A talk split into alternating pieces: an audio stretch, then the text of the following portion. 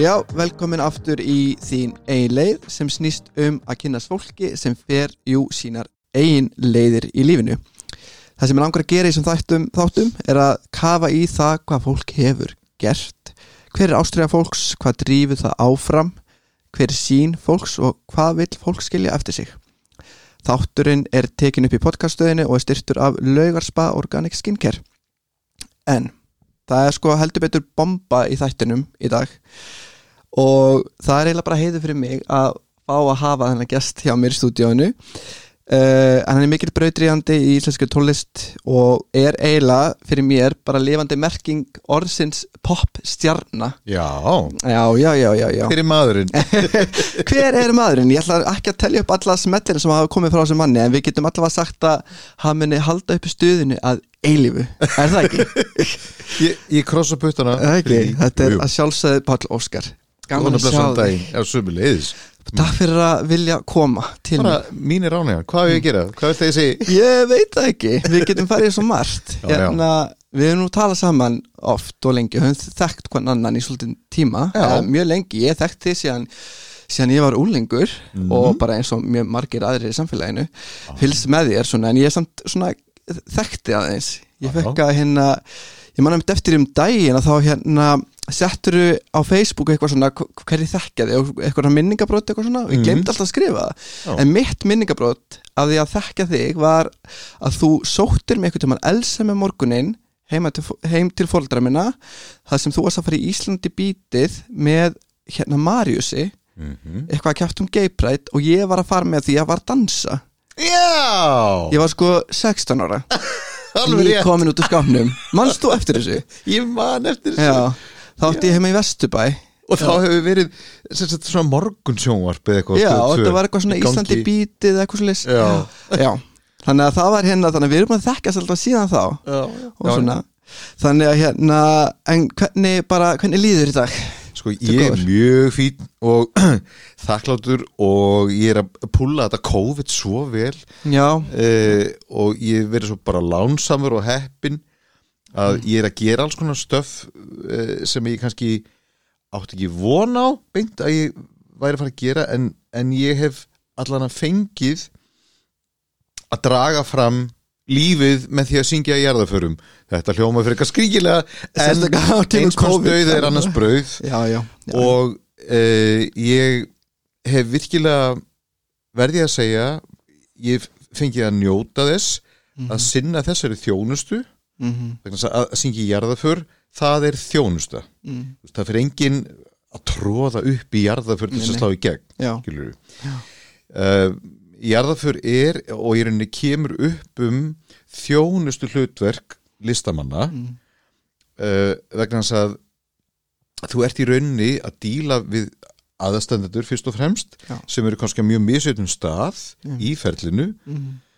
sumir eru að díla við alveg gríðala mikla sorg og jafnvel eru í miðju reyðaslægi uh, á meðan aðrir eru í kannski meira jafnvægi. Mm, og en þá þarf maður að leiða kannski fólk svolítið áfram, þú veist bæði með lagaval og, Já. og, og allt þetta. Og núna í dag þá er þetta uh, þá vegur það mjög þungt hvernig streymi gengur já, í jarðaförum og ég held einmitt. að streymi úr jarðaförum að það sé eitthvað sem er hreinlega komið til að vera. COVID er búið að kenna okkur það. Já, það er mjög mikið af- eldra fólki hérna úti sem kannski á ekki heimangengt eða mm, á í erfileikum með að komast í kirkjur akkurat. það tekur streyminu alveg fegin sendi. Já, og þess vegna eins gott að gera það vel Já. og maður þarf eiginlega mm, að ímynda sér að streymið sé lítil sjónvarsútsending útsending, það þarf að vanda til verka. Mm. Er þú að streyma sjálfur þegar þú jarðaförum er ég myndi aldrei gera það, ég hef nóg annað að hugsa. Já, En- já, einmitt. En, en sem betur fyrir þá hérna, er alveg valið maður í hverju rúmi og Mhm. ég sé það að mm, ákveðin fyrirtæki eru hreinlega farin að gera út á þetta að hjálpa fólki að streyma. Já, svo Origo eða eitthvað Já, og fleiri. Já. og skjáskott.is var eitt Mm. fyrirtæki sem ég sá, Mhm. gerði þetta mjög vel. Já, og þannig að COVID mm, vissulega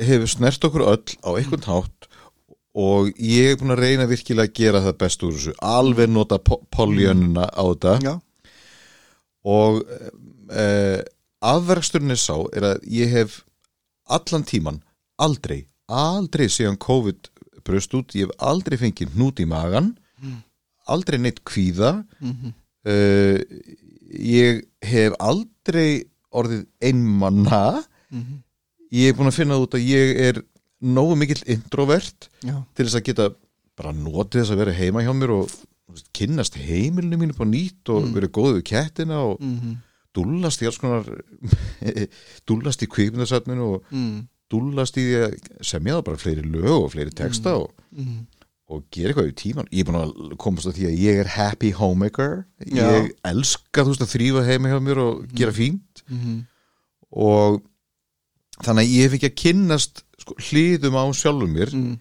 sem ég hefði ekki fengið að kynnast mhm, ef COVID hefði ekki komið til. Ég mitt og þannig að ég er að prísa mig sælan og ég er lukkulegur. Mhm, aftur á móti núna veist, það, er hérna, það er að koma áramót og ég er enn núna er ég komin að þann stað að ég er algjörlega upp á stjórnvöld og úrræði stjórnvöld að komin. Já, hvað var það peningamálin? Akkurat. Uh, tekju sagt te- te- tekjufall mitt á þessu ári er 70% 70% það er bara satt. Sko. en ég minna, ég hef fengið lítil gig hér og þar og ég hef fengið að tróða upp í sjónvarpun og ég fekk að syngja með Sinfo í sumar, í bytni á rúf og Já. ég fekk að hérna, taka þátt í listaháttíð list, listagjöfin, Mm. sá gjörningur allur. Já. alls konar lítil Mm, verkefni komu sem rættuðu mér upp í þessi 30% og fyrir þessi 30% tókst mér að borga alltaf allt sko e, bara mér tókst að borga af húsnæðstálinu og það er mjólk í ískápnum og já, já, veist, ég bara, ég dró saman allstaðar, þú veist, Já. þetta er örgulega fyrsta árið í lífi mínu þar sem ég kaupi mér til þess að engin ný föt. Já, og mér líður svolítið bara vel með það. Og ég hef ekki splæst mér í neitt nýtt. Mm. ég hef ekki eins og splæst mér í DVD-disk Eh, ég hef ekki Þú kveikmyndasamnarinn já, já, Já. ég hef ekki bætti engu við heimilið eða neitt og þannig náði ég að púla þetta. Mhm. og og komst bara að því að ég er sem sagt ekki materialisti ég er ekki sem sagt efnisíkjumadur mm. ég er ekki að trillast hérna eitthvað í skinnunu yfir því að hérna, vera ekki glæni um Einmitt, alls ekki. En Þetta þú þannig að, að ég lærði að, að þarna, já, að fókusin minn Já, er svolítið þarna, ég hugsa alltaf, æ, þetta eru bara peningar, come on, veist já, eða bara þetta eru bara föt eða þú veist. Já, þetta er bara hluti, döðlutir ég verða, ég verða fókusura á hvernig hef ég það. Mm. veist, er ég að sinna veist, mínum grunnþörfum? Mm. uh, jú, ég hérna, vil gjarnan hérna, eiga samskipti við fólk en það eru sem betur fyrir til símar og þú veist, vídeospjall á netinu og, og svona. Mm. þannig að ég hef líka þú veist, haldið góðu sambandi við vinu og fjölskyldu og svona Mm. og alveg geta farið á trún á með þeim þannig að ég Já. einangrast ekki Nei, einmitt En ég held líka kannski við erum búin að hafa alveg þannig séð ágætt með að við sko umheimin er ég að hugsa sko. Mm. hérna á Íslandi, við erum ekkert farið í skiluru complete lockdown eða eitthvað þannig. Nei. Við erum búið, þess við getum farið út og eitthvað svona sko. Mhm. en ég heldur mitt eins og þú segir sko, ég held að mjög margir þengi við að bara svona já þú ert búin að, út að maður þingar inn í eitthvað sko inn á við og þá alltaf fer maður að skoða og bara já, ég þarf ekki þetta ég þarf ekki þetta, mm. ég get alveg bara að lifa svona og mér finnst þetta bara næs Mm. þannig mjög margir búin að segja þetta við mig í kringum mig. Þú veist bara, já mér finnst bara alveg bara mjög næs að vera einn með sjálfum mér eða eitthvað þú veist. Sko, og örgulega líka margir búinir að vera heima á sér Mhm. og hafa fengið tíma núna til að losa sig við alls konar óþarfa. Mm, ég og veit. ég held að mjög margir séu búinir að fara mjög margar ferður upp í sorpu. Mm. já, halló. Og það er bara hitt besta mál. Mm, og e, að því allan að heimilið mitt það verður að vera reyður mm, þetta verður að vera griðastáður mm. sem ég kem á. Að ég, ég vinn þannig vinnu í venjulegu árferði mm, er ég, er ég að vinna vinnu sem er svolítið galinn mikið læti veist, og, og háaði og stundum þegar ég kem heim kannski seint á nóttunni mm, þá verði mér að líða eins og ég sé að koma heim inn í eitthvað greiðastaf mm, og fyrir mig persónulega það, það var mjög mikilvægt þegar ég tók einmitt íbúðunum í gegn mm, að grunnpælingin með þessum breytingum í þessari íbúð voru bara jarðarlitir. Mm, ég vil bara að það séu jarðarlitir allstaðar eða litir sem við getum fundið allan í íslenskri náttúru. Mm, mm, og við finnum svarta litin í íslenskri náttúru mm. þannig að ég kaus að hafa baðherbyggjum mitt algjörlega svart. Já, ok. Ósla kúl. Já, og, og þar ertu góðarum já, þannig að ég hlakka bara núna til að bóluefnið komi eh, vegna þess að þegar það kemur þá tekur ekki langa tíma að bólusetja alla á Íslandi sem vilja gera slíkt. einmitt. Og með bóluefninu að þá kemur aftur tröstið í magan á áhorandum Einmitt, þá þorir áhorandin sjálfur já, að fara inn í svona rými akkurat. þar sem margir eru saman kom, komnir í napp Einmitt, og jafnvel ef þetta er ekki leikhús eða bíó eða eitthvað slíkt þar sem hún situr í sætum eða sitjandi tónleikar Mm.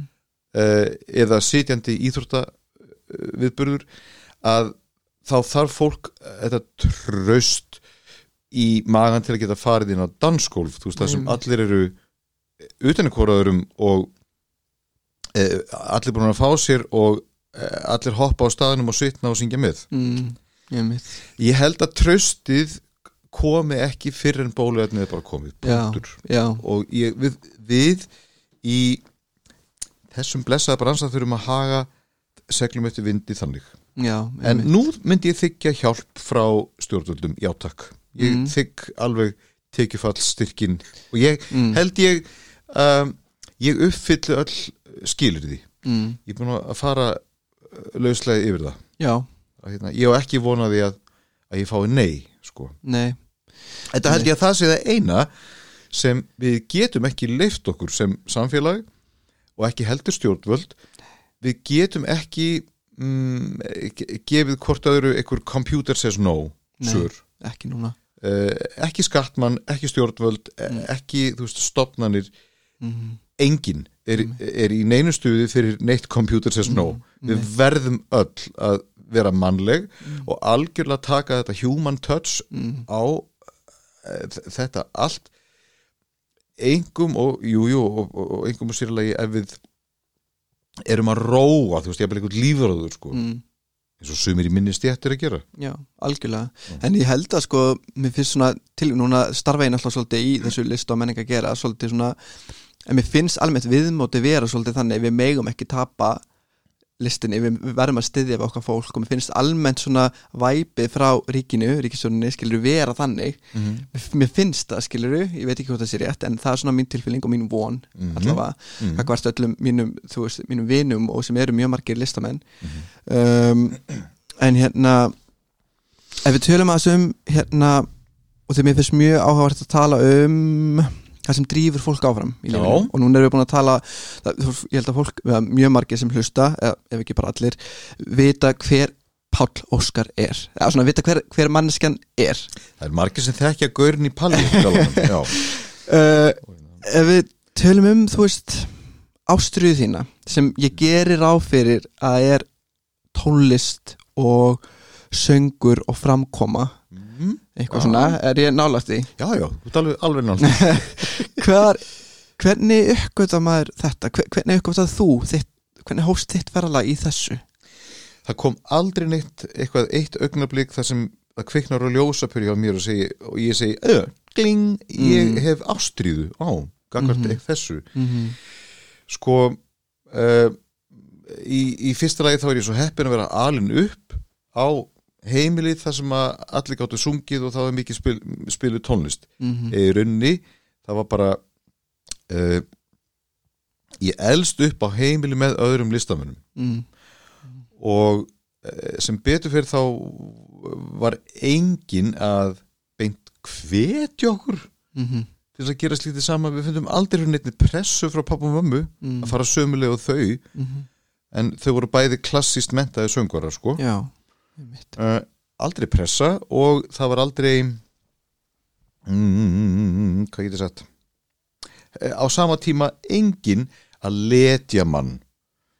Mm.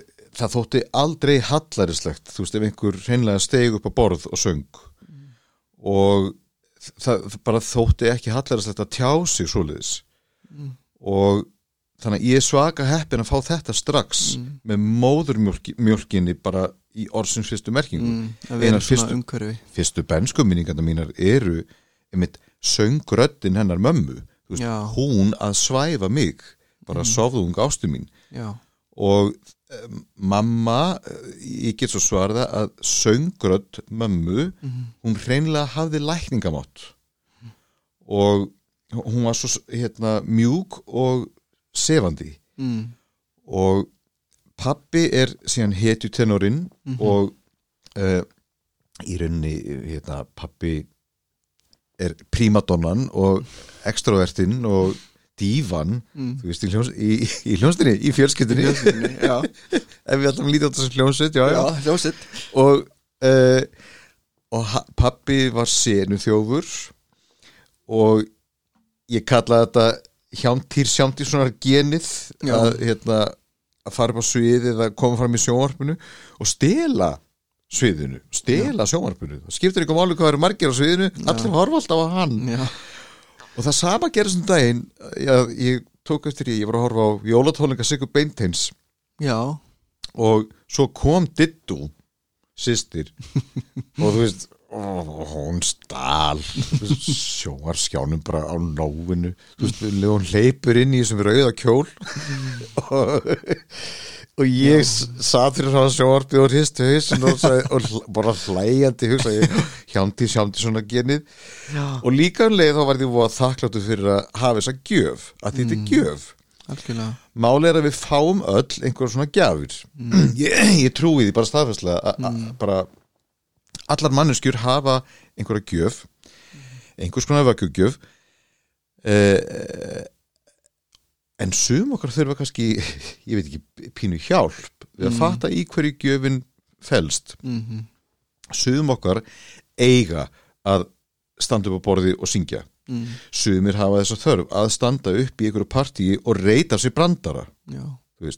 Þetta eru stand-up comedians. Mm, þú veist, fættir mm, sumir hafa peningavitt sumir eru ógislega klárir í Excel. Mm, please, vertu bókaldarinn minn þá. Mm, uh, sumir hafa mjög sterkar rétt, réttlætiskend uh, hafa mikið áhuga á félagsmálum og eru fættir pólitíkusur eiga bara að vera þar. Já, sumir eru undrabönn í fótbolta þú veist, og enda á HM það skiptir, sumir geta búið til máltíðir þú veist, sem eru svo geðveikar að þú verður ástfangin þegar þú borðar hann á mat. Mm, Eh, þannig að allir hafa, vil ég meina einhverja svona gjöf. Og svo er það bara okkar að hlúa að þessari gjöf. Og það er eitt nálarauga hérna sem enginn sleppur í gegnum. Eh, þú þart að æfa þig. Mm, æfingin skapar mistara nefnilega mm, Eh, þú verður ekki mistari þú ert fimm ára þú veist. Mm, uh, að meiri sé að við hérna við strákarnir skilur þegar við komumst á kynþorskaskeiðið og þurfum að fara að læra að raka okkur. Já, já, það er mjög erfitt að halda á rakvél í fyrsta sinn og bera hana að andlitun á sér. Þetta er bara skeri og, og fyrsti raksturinn venjulega hefnast uh, hræðilega, þú veist okkur blæðir. Já. og þetta er, þetta er hallarslegt og vond og við förum ekki í skólan daginn eftir. En þegar við erum búinir að raka okkur tíu sinnum þá verður rak, raksturinn pínu meira smúð og við föttum hvað við getum gert við hennan nýf upp við andlita á okkur skilur mm. og, og við smá saman náum uh, ok, það er engin gjöf að geta raka sig en ég er að taka raksturinn sem gott dæmi um um það að þú verður að æfa þig. Já, mitt og þ- nú þarf ég að skjóta inn e, einu sem ég heyrði ekkert fyrir svo lengur síðan og ég er hjartalega sammála. Ok, að allir þeir sem ná forskoti allir þeir sem komast upp á verðlunapall eða allir sem að ná okkur um geggjum árangri mm, þú veist, í því sem þeir eru að gera sama hvað það er sko. Mm. viðkomandi þarf að hérna, uppfylla það, það eru þrýr þættir mm, sem allt þetta lið á sameigilegt ok. Þau vilja meina þetta sé talent mhm, vision mhm. og svo ambition. Mm. hvernig getur þýtt þetta að vera í íslensku? Talent, hæfileiki, Hæfileiki, vision sín, sín Sín, voðalega leim orð Já. yfir vision, en þetta er samt rétt orðið sko, já. Og svo ambition metnaður, er, er að hafa hæfileika sín og metnað. Mhm, einmitt. uh, sparkaðu smá ástriðu þarna inn í þennan graut. Mm. Já, já, já eitthvað, það er þetta lið sem Mm. getur sem, sem, það er þetta lið sem er ástriðu fullt fyrir það fyrsta mm, sem fær visjónina, sem fær sínina mm. veit að það er með hæfileikana Mm og það er kannski ástriðin sem drullar þeim á næstu æfingu -hmm. þú veist Heldur metnaðinu við já. Og ég sé þetta gerast aftur, aftur, aftur og ég sem betur fyrir held að ég sé með þetta allt ég, hérna, ég held að það sé ástæðan fyrir ég er hérna Mhm. ennþá ég er ennþá að búa til músík og mm.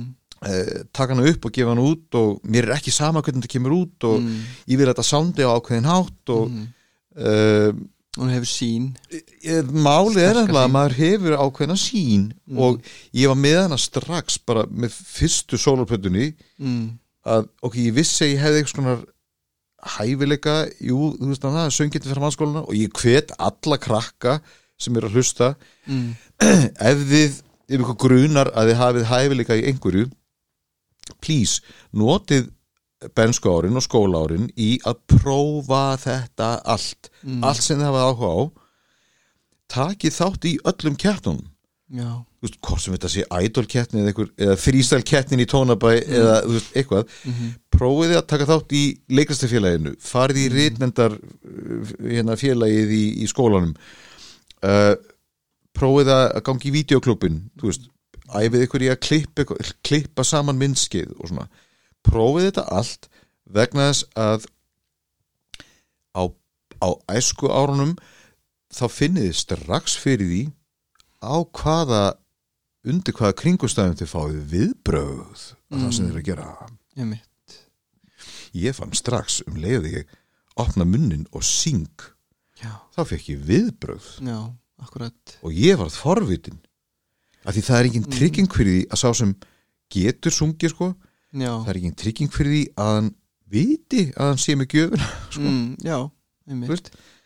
Og svo veit ég ekkit svo getur vel verið að þú alist upp undir kringustæðin sem eru kannski hræðilegar það sem er engin kvartning mm, það sem, hérna, það sem er litið á uh, pff, söng sem eitthvað hobby og dúlleri og hérna mm, jafnvelin á eigin heimili segja þínir eigin foreldrar þú veist, æ, allar í alvörunni þú veist, eða, þú veist, er þetta eitthvað eða, er ekki skárra að vinna í hampiðinni þú veist, eða eitthvað, eða gera eitthvað praktíst þú veist, og að vissuleiti þá skil ég foreldrar sem tala svona því ég skil alveg að foreldrar þykir vænt um börnin sín. Já, já, ég skil alveg að foreldrar vilja ekki að börnið er að fara að gera eitthvað riski, mm, þú veist.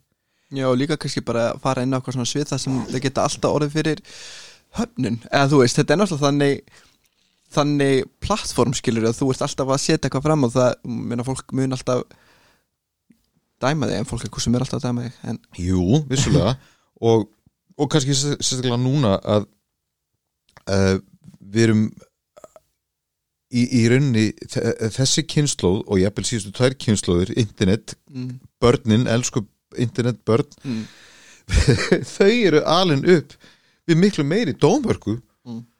heldur en ég staðir. heldur en ég nokti hjá hann uppliði mm, ég lofaði því að ég hefði ekki viljað koma út úr skapnum árið 1987 mm, eða uh, fara svo að hérna, tróða upp og gefa út plötur eins og maður gerði á 90s tímabilinu. Mm, ég veit ekki hvort ég hefði haft nógu sterk bein mm, til að meika sko fúgirða flaumin mm, sem ég upplýði á eigin skinni Já, hann hefði verið þúsundfaldur ef Facebook hefði líka bæst ofan það. já, ég skilji, já, um mitt og reyndar þá, kannski, ég veit ekki hvort þú takir eftir því en jú, jú, ég er á samfélagsmiðlum ég er á Facebook og Instagram og eitthvað mm, mm, en ég posta frekar sjaldan mm, þarna inn.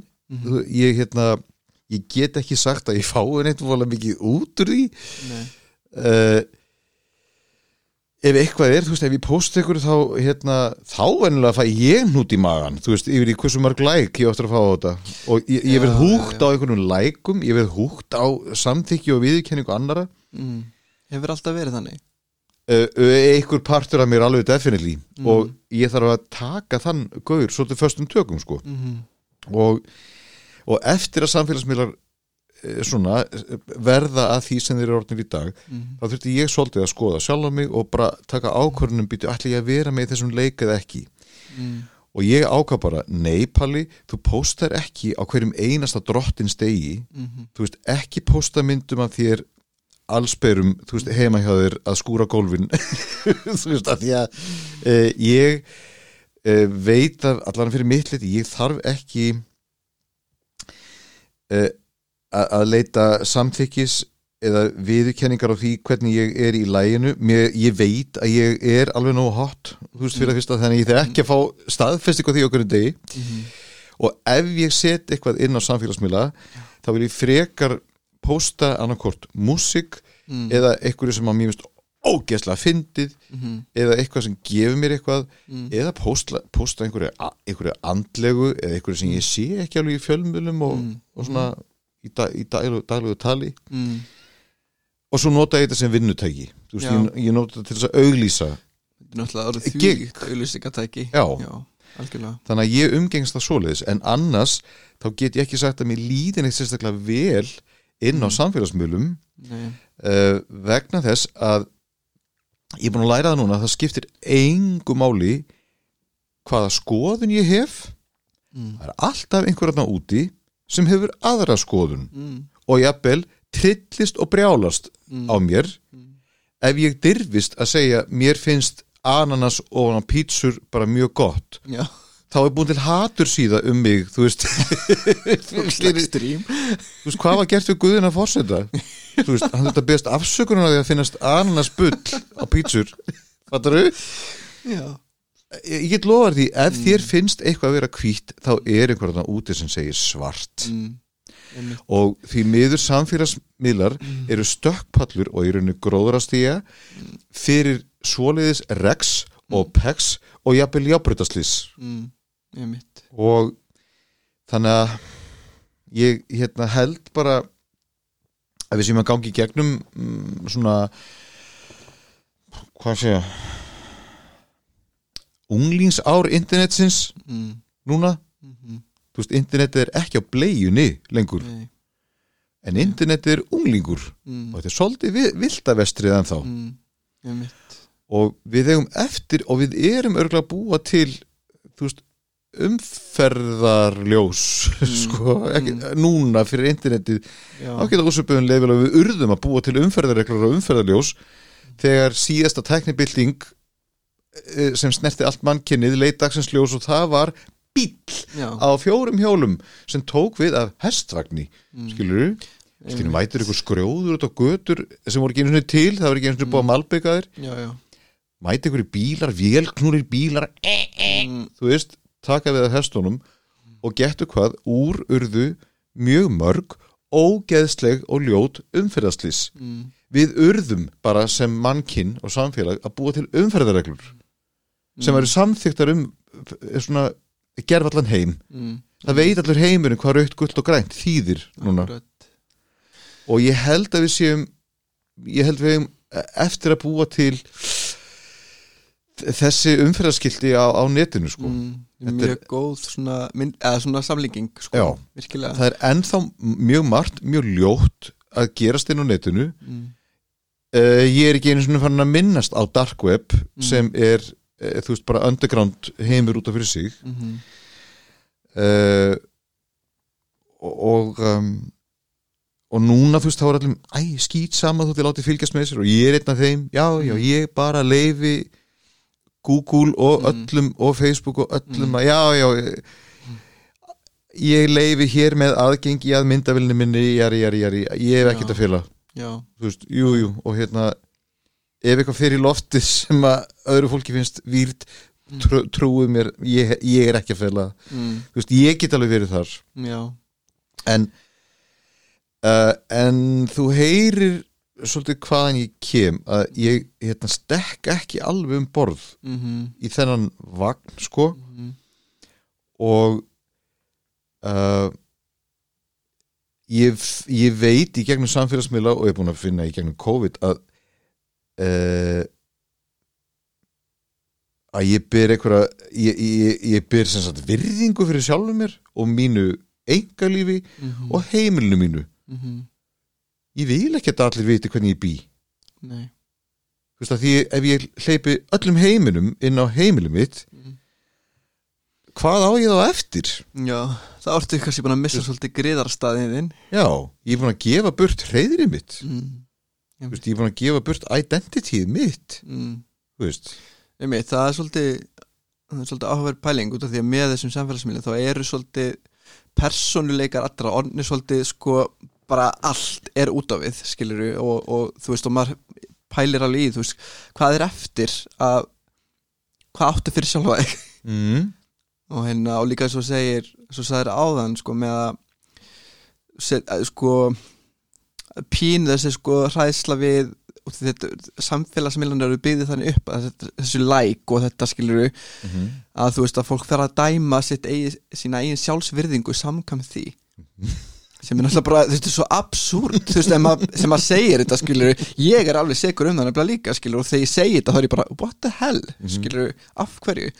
Svo, svo gerir maður það samt, skilur maður svona, ú, ég var að setja þetta inn bara, svo tjekka maður að fimm minúna fresti, skilur, bara, æ, shit, Nei, þetta er það. slett Veistu, ég held að næsta kynslu eða það næsta kynslu kannski verða það krakkatir sem segja gefa bara fuck you merkið á samfélagsmiðla. Mm. Þetta eru krakkatir sem eftir að fatta, heyrðu, like-takkin er lígi mm, þú veist og samfélagsmiðlar eru lígi Mm. þetta líta út fyrir að vera samtöl mm, en þetta er ekki samtal. Mm, þetta er ekki human samskipti. Mm, að því ég sé ekki manneskjuna ég heyri ekki, ég heyri ekki talandan mm, ég heyri ekki tónin í röddinni.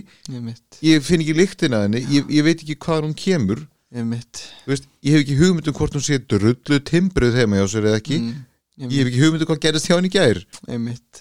Einmitt. Það er líka bara þetta skilur við með þessum samfélagsmiðlum þá erum við líka farin að geta svo mikið upp í eyður hjá fólki. Einmitt, þú veist að fólk skrifar eitthvað og fólk er farið að, hérna, að ímynda sér og ímynda sér og ímynda sér sem er svo bara ekkert satt og þú ert ekki með mannskjörnum fram og svo segir skilur þú heyrir ekki talandan og sérðið ekki augun á mannskjörni þannig, að, þannig að fólk er farið að geta og farið að þú veist fabúlera bara einhvað einhver samskipti sem er ekki búin að eiga sér stað Þannig að þetta er áhugavert en mér finnst svolítið áhugavert þú sagðir hérna varandi áðan þegar þú uppgötar þína gjöf eða Mhm. svona, mm. talar um að að það er að vera okkar að fylgja þið eftir og fatta, þú veist, varstu fljótur að fatta skilur að, að sko að virkja, veist, Mm, rödd, Sva, sva, röddina. Svarið er nei, ég var ekki fljótur að fatta. Því ég, ég var að gera svo margt Mhm, og ég eh, er tveggjára gamall, þú veist, bara með blað og penna og byrjar að teikna. Mm, það var bara nóg. Mm, uh, ég gætt verið allan daginn einn að dúla mér, strax orðin introvert. Mm, strax að hérna teikna bara frá mér allan heila daginn Mm. og allir í kringum ég held að ég er teiknari. Já, svo, ég, svo fæ ég æði fyrir dúkkulísum þegar ég er svona 5 eða 6 ára. Fyrir að teikna dúkkulísur og fyrir að teikna sko kjólana sjálfur á þær. Þá held allir að ég er fata hönnuður mm, svo hérna, ligg ég yfir sjónvarpinu. Ég, ég mátt ekki missa við um einasta auglýsingatíma. Mm. auglýsingarna voru besta sko. Þar voru svo hraða klippingar og það var svo mikil hraði og þar var hérna, þar voru svona lita sprengjur bara. Mm, uh, trekki, trekki, trekk og jú, prúðuleikararnir, þeir voru æði líka. Já, og allt sem tengdist þeim. Þannig að uh, þá er ég kallað sjónvarsjúklingur en þú veist, það var eins og þau hefur ekki gert gert ráð fyrir að ég væri bara að stúdera. Já, já einmitt. sjónvarp. Uh, ég sekk mér svo ofan í bíómyndir. Ég verð, ég er bara f- filmfan, já, mjög ungur sko. Já, þá hildi allir að ég er kvikmyndareikstjóri Hvernig Eh, kvikmyndi varstu að sökka þær í? Sko ég byrja þegar ég er bann þá er ég að lesa Hási Andersen Grímsævintýri, Mm. 1001 nótt Mm. dæmisögur Esops. Sökti mér ofan í allt þetta. Þannig að eðlilega þá byrja ég á Disney. Já, uh, en ég kannski byrjaði ekki á Disney á, á beint eðlilegan hátt. Það var verið að sína mjallkvít og dörgarna sjö í Mm. gamla bíói já, 1976 þótt þessi mynd sé æfa hún eh, gerð 1937 mm. þá var gamla bíói samt alveg að sína alla þessa klassikara já, og spáði það í bíó Solvaldagötunni þegar, ég- þegar ég er alast upp já mamma með sjöbönn hún leiði mér að fara og labba einn í bíó frá Solvaldagötu og alveg alla leiðin í gamla bíó það var ekki Já. til bíl á heimilinu sko. Nei. og ég, hérna, ég, ég fór ekki einu svona upp í strætó ég labbaði bara einn.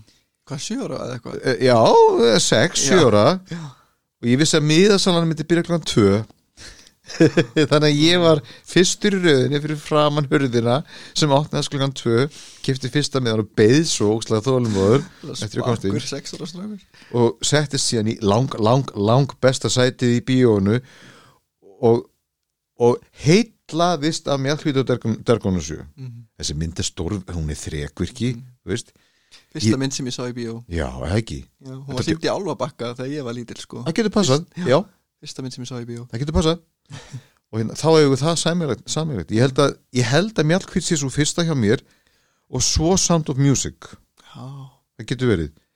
En um, ég veit alveg að Disney eh, hefur, eh, gerir þetta alla tíð að taka ævin, ævintýri við apel þjóðsögur eða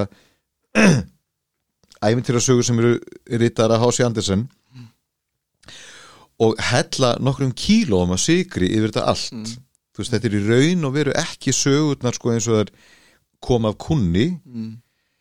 uh, en Disney sem sagt stundaði þetta að jafnvel breyta sögutræðinum til hins betra og þar með kannski þ- þynnir hann út Mm. uh, sko kannski raunverulegan punkt sögunar eða það sem hægt er að lesa í hana. Og mm, en það, er, það verður ekki á hann tekið að þessar kvikmyndir allan sem að hann kemur nálagt áður hann deyr eru ekkert annað en þrekvirki. Alveg strænt þrekvirki. Mm. að þeim hafi tekist þetta. Mm. að teikna þetta, teikna þetta saman með puttunum, svona flott. Og svín virkar þetta í dag. Já. Hver einasti dvergur er með karakter mm. sem hann leigið yfir hvert einasta smádýr er með karakter. Mm þú veist, þetta, stó, þetta eru stórkostlega listaverk. -hmm. og þannig að ég sem betur fyrir alin upp á stórkostlegum listaverkum. Já. og þau komu hérna og þaðan. Það voru ekki bara teiknumyndina sem ég var eitthvað að glápa á, heldur líka óperurnar sem pappa og mamma er að hlusta á Já, og öll klassíkin. Já, og svo öll tónlistin sem restina sískinu mínum er að hlusta á. Já. Og ekkert af mínum sískinu var að hlusta á sömu tónlist. Mm. Og þið eru hvað, sjö? við erum sjö, ég er yngstur á sjö. Þannig að ég er svo heppin að vera yngstur og ég fæ að kynnast öllu ég fæ að Mm. smakka á öllu líka þungarokki mm. líka nýbylgjunni, akkurat líka artifartidótinu Já, og Herb Albert og mm. hérna, Pat Benatar, Kate Bush Mm. uh, En Þú ert að sjúga þetta allt í fekk líka að kynast diskóinu þú veist og fríka út af því síðan og þannig að í sjálfur sér þá, þú heyrið það, það vissi sér enginn hvert stemdi mm. og ég veit alveg að ég hefði verið helsáttur ef ég hefði síðan bara farið að hanna allas að kjóla Mm. ég hefði orðið geðveikur drag designer Mm ég hefði verið helsáttur ef ég hefði farið að gera bíómyndir Mm. ég veit að mitt sjannra hefði orðið hryllingsmyndir Mm. Mm. Veist, ef ekki hryllingsmyndir þá horror sci-fi Mm. Ég er helsáttur við þá staðrind að ég séðan fer út í poppið Mm. og mitt sjannra er danspop Mm. af því ég var svo forvitin og spenntur yfir þessu listformi Já, ég var svo forvitin að díla við þetta diskodýr, þetta Mm. energi já, sem ó, óneitanlega leiftrar fr frá danstónlist þegar hún hefnast vel mm. og ég var aðalega forvitin sko, að veltaði fyrir mér af hverju er til svona ógeðslega mikið af danspoppi mm. og diskói Mm. sem er svona ömulegt mm. af hverju er 90% af þessu stöffi svona glatað Mm. og af hverju er einhver töfrahjúpur yfir síðan hinn um 10%, 10% Mm. af hverju spilum við I Will Survive en, það, en þetta í dag, það virkar ennþá energið frá læginu virkar enn Mhm. og sko í sjálfu sér er ég búin að læra út frá þessari pælingu að ég, ég sé ekki betur en að allt þetta stöf, öll þessi listaverk sem virka en þetta í dag Já. eru, þarna er fólk á staðnum sem að hefur hæfileika sín Mm. ambition, Mhm. þú veist kann, er búið að gera þetta allt saman meir en tíu þúsund sinnum skilur þannig að þau eru orðin frekar góð í því sem þau eru að gera Mm. Og svo er lagt af stað í þrekvirki sem heitir Mjallgjöldadörgarnir 7 Mm. eða svo erum við að fara í stúdíó að taka upp lag sem heitir I Will Survive það býr eitthvað að baki öllum þessum listaverkum Mm. sem köttar í gegn Mhm. I Will Survive eh, heldur velli vegna, vegna þess að þetta er brjálaðislega þetta, þetta er andlegt diskolag Mm. Mm. þetta er um ákveðið ferðalag Já. sem allir tengja við Mm. sem hafa einhver tíman þurft að þóla einhvers konar höfnun eða, eða verið á krosskötum eða þurft að feysa eitthvað nýtt eða þurft að feysa eitthvað áfall Mm. allir sem hafa lendið einhvers konar áföllum Mhm. geta sungið I Will Survive textan orðrétt og meina tengt hvert einast orð mitt. That's why Mm. í stuttum að reyna að segja listaverkin sem lifa, þau eru einfallega ekki gert í einhverju flippi Mm. Uh, það geta alveg komið hittarar út úr flippum Mm. það veit ég manna best en mm, en ég, ég sé ekki betur en að uh, en að þau listaverk sem síðan lifað þau hafa svona kjöt á beinunum Mhm. En þú hefur allavega, þú veist þú hefur örugglega alltaf verið að gera eitthvað skapandi já, alveg Það er alveg greinlegt ég, viss, ég vissi það þegar ég var batna ég Já. myndi ekki daga upp á einhverju í skrifstofinu mm. hafandi sagt það þá er fólk aðna úti sem á að reka fjögur fyrirtæki í einu Mm. veist, í skrifstofinu af því að það er þeirra gjöf Mm. please við þurfum á eitthvað að halda please, ekki get ég gert þetta Einmitt. mm. En þú hefur verið hana og við tölum bara um það, þú varst að tala um I Will Survive þá, þá fyrir ég að tengja við sko um, þú varst að tala um að allir geta tengt við hennar texta sem er vissulega, vissulega rétt sko, en fyrir mér er þetta alveg rosalega mikið tengt við uh, gay samfélagið Mm. og, og hérna og þú hefur verið hann að byrja þetta er átt- nei, 76, 80 á- in the 80s Mm.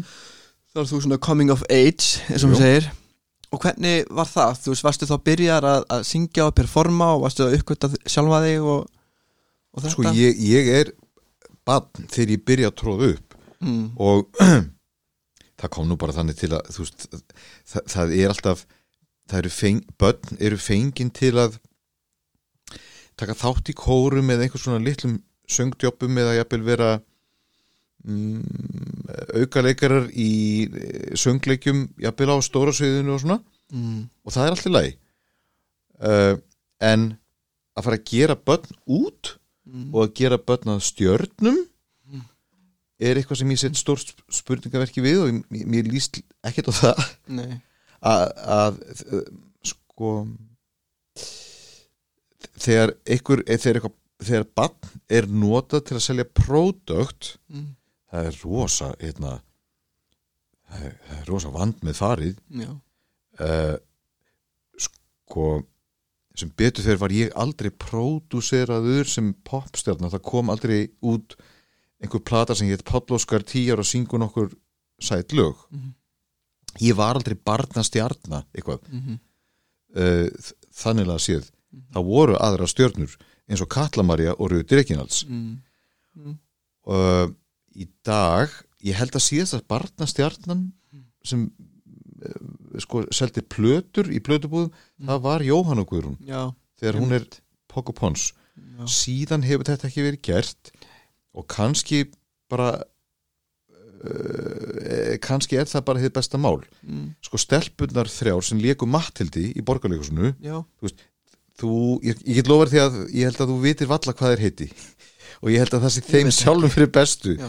Þarna fá þær ómetanlega reynslu sko mm. á stóra sviðinu að púlla heila le leiksýningu Mm. sjálfar. Uh, og hingraða bara eftir tíu ár. Mm. þá verða þessar gælur kannski orðna bara players Mm. veist, á stóra sviðinu sko Já, já, sem verður að líta til. Einmitt, einmitt. En uh, enginn sleppur sem sagt undan æfingunni. Þú getur verið, þú getur verið með þessa sva- svaka gjöf en, en ég meira, meira segja mamma Houston þ- kendi Whitney Houston að syngja. Mm. hún, litla stelpan sem bann er í rauninni í daglegum söngtímum hjá mömmu sinni. Já, og þannig að þegar við heyrum fyrst í Whitney þá er hún búin, búin að vera að syngja á í rauninni professional level mm. í 15 ár. Hún veit nákvæmlega hvað hún er að gera í fyrsta sjónvastættunum Mm. sem hún kemur fram í. Hvað var hann að syngja þá? Ég, hún söng lag úr hérna, The Wizard of Oz eða The, The Wiz já. sem hétt Home. Þetta er inn á Já, YouTube. Ok, ok. Þetta hefur verið inn í 80s einhvern mann Eða hvað, kannski fyrr? Nei. ég held jafnvel að þetta sé 79 eða já, 80 já, já, já Ég held alltaf að fyrsta lagi hennar væri bara hann að How Will I Know og I wanna dance hann að nei, nei, nei, nei, nei, nei, nei. Það er bara það sem Alls ég ekki, nei, nei, nei. sko. nei. en meiri sé að Whitney Houston þurfti að æfa sig Og varst þú byrjar að æfa þig? ég byrjar að söngla alveg frá því ég er bann og ég fæ alls konar verkefni þú veist, ég kem fram í stundinu okkar í sjónvarpinu og Mm. hérna og stærsta verkefnið fyrir eh, alla plö eh, sko eh, ég, ég söng inn á nokkra barnaplötur og inn á auglýsingar líka og svona Mm. og uh, stærsta verkefni var síðan söngleikur sem var settur upp í Kópavóginum Mm. leikverða Kópavógis, það var Gummitassan Já, og það var endar sko al íslensku söngleikur sem var hérna unnin upp úr bókinni hans Óla Lund Kirkjugór mm, og eh, Kjartan Ólafsson gerði músikina og Jón Hjartar mm -hmm.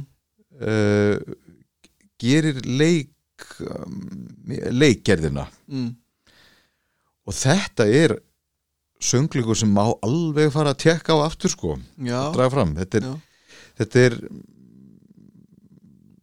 sko, söngl, þetta er söngleikur um einelti. Mm. og mér sé þegar við vorum að gera þetta árið 1982 mm, í Kópavóinu þá var orðið einelti ekki til, já, hugsaður það var bara til svona órætt hugtak eins og þú veist að stríða einhverjum. Stríða, eða honum er mikið stríkt í skólanum. Þa, akkurat. Það, var ekki, það var ekki annað hugtak til yfir þetta. Vá, það er ekki lengur síðan. Já, og hérna, en, en reyndar þá er gummitassan líka þetta er svolítið harður spegill sko. Mm -hmm. að horfi í vegna þess að eh, hann er eh, uppnefndur gummitassan mm, þú veist, að því hann, hann getur ekkit í leikumi og hann getur veist, það er bara eins og þessi búið til úr gummi. Já, og mm, svo hittir þessi gummitassan strákur veist, það kemur twist. Mhm. svona supernatural twist í Mm. þetta. Nord sem segir stráknum að hún sé til í að hjálpa honum sko. Hún ætlar að gefa honum uh, og hún ætlar að gefa honum séns að hérna, uh, láta eina ósk rætast mm, hjá honum. Og strákurinn byður um að hérna, já, hann ætlar að óska þess að fá allar sínar óskir uppfyllar já. Hann orðar þetta svona og Nordin fær sjokk. Mm, og segir, anskotin, þetta er alltaf stór ósk. Mm, veist, ég get ekki gefið þessa ósk. Mm, ekki ævilangt, en ég get gefið þessa ósk í dag. Já. Mm, og hann tekur bóðinu og í einn dag þá getur hann gert allt. Mm, hvað er það sem hann gerir? hann lemur allir hinastákan í skólanum. Hann svarar nákvæmlega eins. Ok. Og þannig að þe- þetta er harður spegill að, að, Mm. að horfa í. Mm, að uh, og þetta er vel þekkt að allana, ég veit ekki hvort sé vel þekkt eða allana þekkt Mm. að sá sem er beittur einhverju misrætti eða beittur ofbeldi það er mjög stutt í það að hann fari að viðkomandi fara að beita aðra nákvæmlega sama Mm. ofbeldi. Mm, af því þetta er það sem viðkomandi þekkir hann er vanur þessu, hann þekkir stemninguna og, Mm. og það er kannski ma sammannlegt að leita bara aftur í það sem þú þekkir. Mm, en á móti kemur það er, myndi ég segja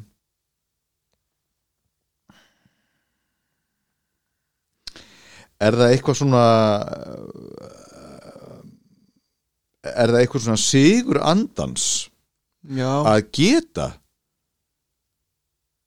svingað frá þú veist, því sem þú bara þekkir? Mm, og jafnvel leita einhverja leiða, jafnvel prófa að fara að gera sama hlutin á annan átt mm, hvernig væri að fara hérna, uh, eða langar til að segja eitthvað breytist í lífiðinu, hvernig væri það að fara að gera suma hlutu öðru sí, mm, það er frá máli sko. How about that? Já, það er mitt eitthvað, var ekkert mann, ég var ekki eitthvað ég var að hlusta á einhverju podcast eða eitthvað það sem, bara já, nei þú veist það er ekkert að breytast það er ekkert að breytast frá ári til ár skilur bara já, en ertu ekki bara að hegða nákvæmlega eins núna í árið svo gerðir í fyrra, þess vegna er þetta ekki að mm -hmm. breytast, mm. en ég held að sé alveg margt til í því sko, og maður þarf að hafa kannski eitthvað hugrekki til þess að að þóra að sjá og gera hlutinu öðruvísi. Um, en þú veist þeir sem að þekkja þú þekkja til þín vita að þú hefur þú hefur farið þínar leiðir og þú, Já, og díla við fullt af dóti. Og ég meina ég mynda mig bara sko það að sko að koma út úr skápnum til dæmis á þeim tíma sem að þú komst út úr skápnum. Mm -hmm. hvernig var hvernig var það umhverfi og, og, og vera síðan líka þannig að, að sko vera byrjar að tróða upp og vera að syngja skiluru mm.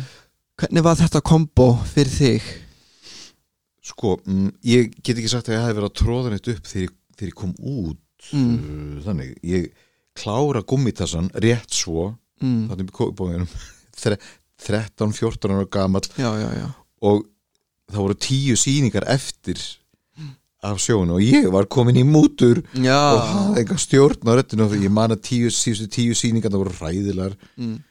og e, ég, ég e, lofaði sjálfum mér e, en ég get ekki sungið lengur ég hætti bara að syngja, ég feg bara að horfa á bíómyndir Mm.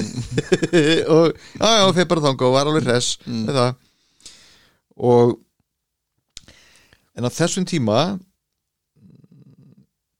upp úr 81-82 að þá uh, kemur auðvitað nýr veruleiki framan í okkur öll eins og köld hörð panna og það var vírus sem heitir HIV og með HIV mm,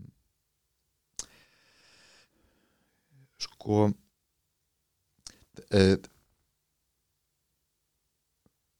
ég er einn af þeim heppnu ég fekk aldrei HIV Mm. En ég þekki ótalmann fólk sem fekk HIV þurfti ég að byrja að díla við uh, langvarandi veikindi og ég þekki líka fólk sem þeirna dó Já.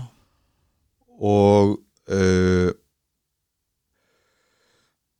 það sem er svo furðulegt er að þótt hryllingurinn sem fylgdi HIV vírusnum Mm.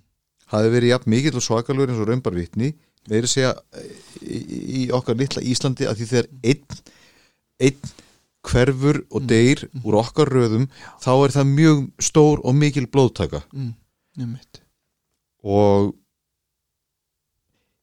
hér er ég eitthvað 1987, 17 ára orðin ástfangin fyrsta sinn Já. og hérna ég hafði alltaf tekið kynhneigðinni minni sem einhverju gríni ég vissi, þú veist, þegar ég var svona 12-13 ára ég væri, væri gay Mm. en ég geymdi það bara svona bak við eirað Mm. og kannski líka vegna þess að ég var ekki hipp og cool gaurinn í skólanum Mm. uh, en þá með barnafituna utan á mér og þú veist, ég var ekkert hot og ekkert sexy einmitt ég að pæli þessu þegar ég er 13 ára og þú veist, ég get vel trúið að 13 ára krakkarinn á Instagram sé að hugsa það sama Mm. þú veist, Mm. been there too Mhm. og þannig að mér fannst ekki eiga neitt erindi þú veist, til þess að stunda kynlíf Mm. það verður engin skotin í mér neitt eitthvað Mm. og þannig að ég á bara ekki að taka þátt í þessum leik. Svo bara, þú veist svo kemst ég að því að ég gæti stoppað gang náttúrunar mm. ég reyndi það en það þýtti síðan bara ekki neitt og ég verð svona svakalega ástfangin þegar ég er 17 ára. Það er bara út frá því sem ég bara tek ákvörðin, heyrðu, ég kem bara út. Og um, auðvitað voru fyrstu viðbröðin hjá pappamammu að, og, þau eru auðvitað á gamla skólanum Já. viðbröðin hjá pappa sérstaklega voru mjög hörð mm. uh, sko hörð alveg uh, hann eh, var skapstór og hérna það átti mjög auðvelt stökka upp á nefsir sko og uh, þannig að hann í stuttum var sagt trillist og hótar að henda mér út. Ég bjó ennþá í fóldrahúsum Mm, mm. og það er múta sem kemur í veg fyrir það. Það er bara hreinlega hún sem kemur á milli. Mm. en bæði voru pappa og mamma algjörlega grunlaus og glórulaus og klúles og það tók mér mörg ár að fyrirgefa þeim fyrir það að hafa verið svona klúles en þegar ég hugsa tilbaka og, og reynir svolítið að hugsa til þess býtu hva, hvaðan koma pappi og mamma? Frá hvaða stað koma þau? Já, að þá það, tekur ekki langa tíma fyrir mig að gera mig grein fyrir að þau koma og eru fætt og uppalinn á einhverju Íslandi þar sem engar upplýsingar voru fyrirleikjandi um samkynneið eða veist, samkynneið var í mestalegi kallað sódómaskapur þegar þau eru aðast upp mm. Mm. og um, þannig að ég, það tók mig tíma að fyrirgefa þeim uh, ég aftur á móti við, við þessu hörðu viðbreyða þeim þá var ég bara rebel bara Mm. með fokkjuputtan á lofti og það er líka bara mjög holdt fyrir allt ungt fólk á einhverjum tímapunkti þá verður ungt fólk að vera með fokkjuputtan á lofti það er gott fyrir alla að rebelast uh, vegna þess að þú verður að hérna uh, að uh, bara taka stöð, stöðu teka á sjálfum þér Mm. ok, þú fættur og uppalinn í lækna fjölskyldu verður sem sagt barnið er það dæmt til þess að verða læknir líka Mm. eða hefur þetta læknaband kannski ástríðu fyrir því að búa til hambúrgara Mm. skilur Mm. kannski er þetta bara fætt til þess að reka hambúrgarastað Mm. af því fólk sem borðar matiðin verður Mm. Einmitt. þannig að þess vegna er rebel fokkjúputtin svo góður og fín Mm. og foreldrar ættu nú ekki að panikara mikið þú veist, þe- þegar það tímabil kemur og gerist. Mm. undu bara til sjálfum við hvernig þú varst þegar þú varst úlingur sko. Já, einmitt. Svo bara hérna mm, það tók mig ekki langa tíma að komast inn í veist, í rauninni gay samfélagi hérna á Íslandi.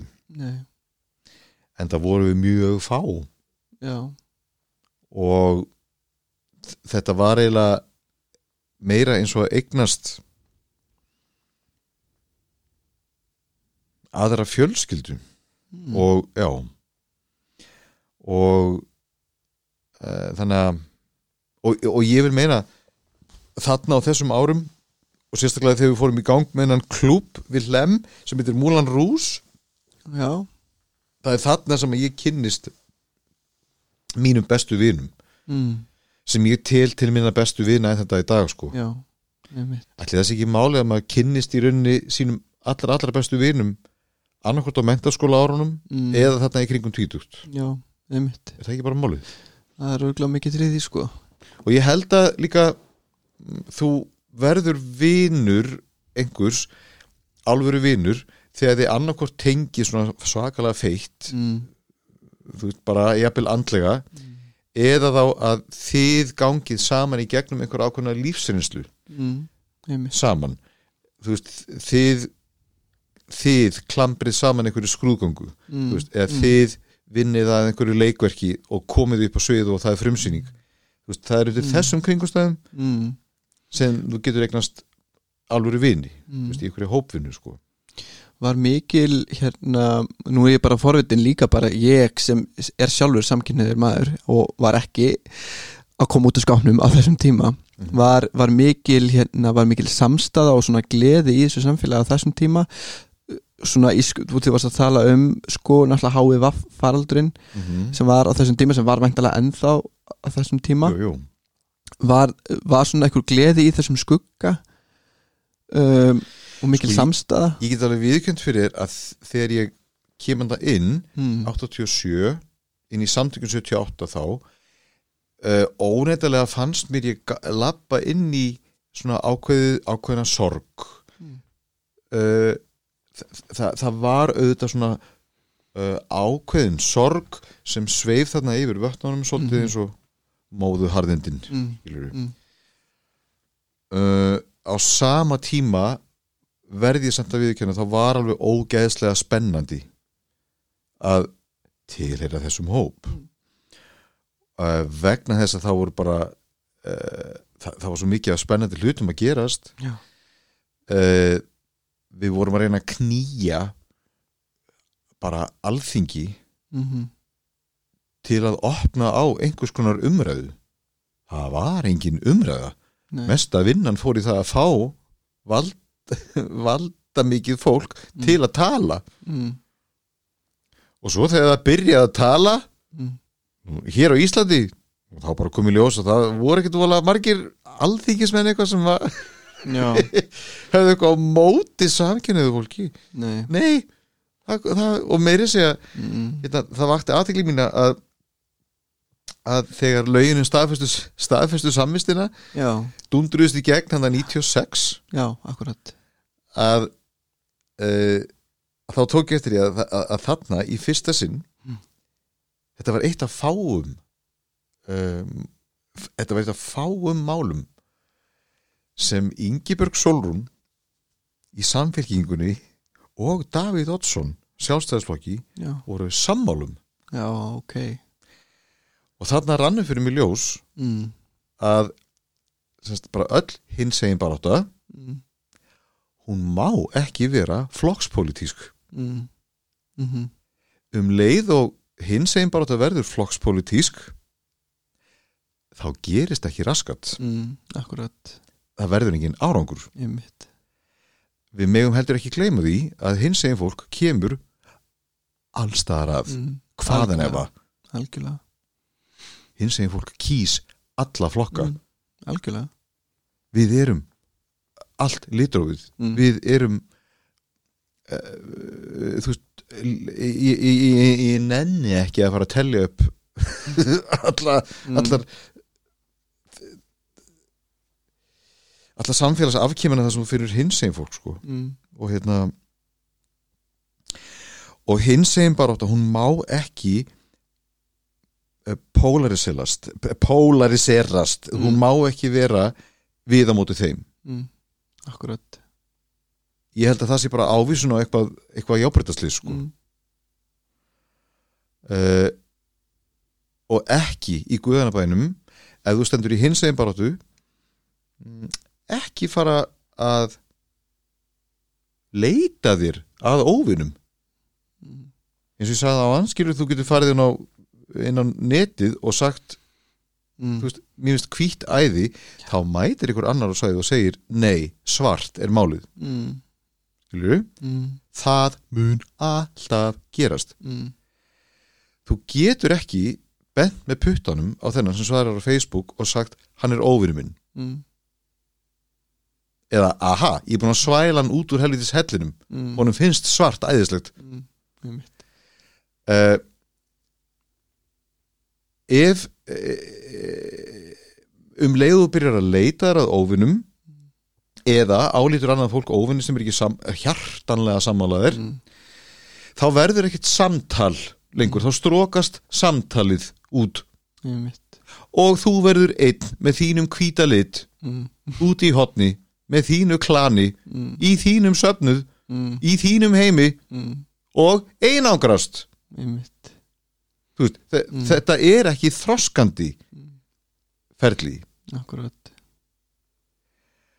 og þannig að ég hef passað á því alla tíð mm. hér er ég, ég er hommi mhm, gott en það eitt að vera hommi er hvorki upphafið nýja endurinn á mínum ferli mm, ég vissi það mjög snemma já, mjög fljótt Já. að ef ég ætla að verða poppari mm, þá þurfa lögin að vera góð. Já, lögin, mm, þú verður að semja lög og texta. Ég, ég hérna, vannast ég að lemja sjálfum í hausinn mm, með þessu, ég, ég verð að gera það sjálfur frá grunni og standa og falla með því. Mm, og það hef ég svo sannlega gert. Þú veist, sund mm, sem ég hef gert hefur floppað bara big time og verið ógeðslega kjánalegt. Mm, og svo stundum er ég bara algjörlega með puttan á púlsunum mm, þú veist, og, og skila frá mér ykkur sem að ég mm, á eftir að lifa með örgulega það sem eftir er æfina, sko. Mm. alveg hel sáttur. Finnst þér þú vita þegar svo ber undir og þegar ekki? Hvort, hvort ég sé mig hittara? Já, finnst, er eitthvað svona í ferli sem, sem þú finnur bara, hmm, þetta er eitthvað þú veist ég, ég fæ svona höns mm, en ekki fullvissu. Nei. það er kannski engin vita. Uh, uh, sko einhver partur af mér fílar að vera á tannum mm, alveg fram að frumsýningu, mm, alveg fram að útgáðu degi, mm, alveg fram að beitni útsendingu, þá Mhm. er ég á tannum mm, þá er ég svolítið hengdur upp á þráð. Já, þá er ég svolítið að kapna úr fullkomnunar áráttu já. Og veistu fullkomnunar áráttu sem ég er með mm, hún þarf ekki að vera allslæm þú verður bara að passa á því að þú mátt ekki leifa þessari áráttu að stjórna og ráða ferðinni. Mm, þú mátt alveg vera með fullkomna áráttu og meðan þú ert að klambra saman listaverkinu mm, veist.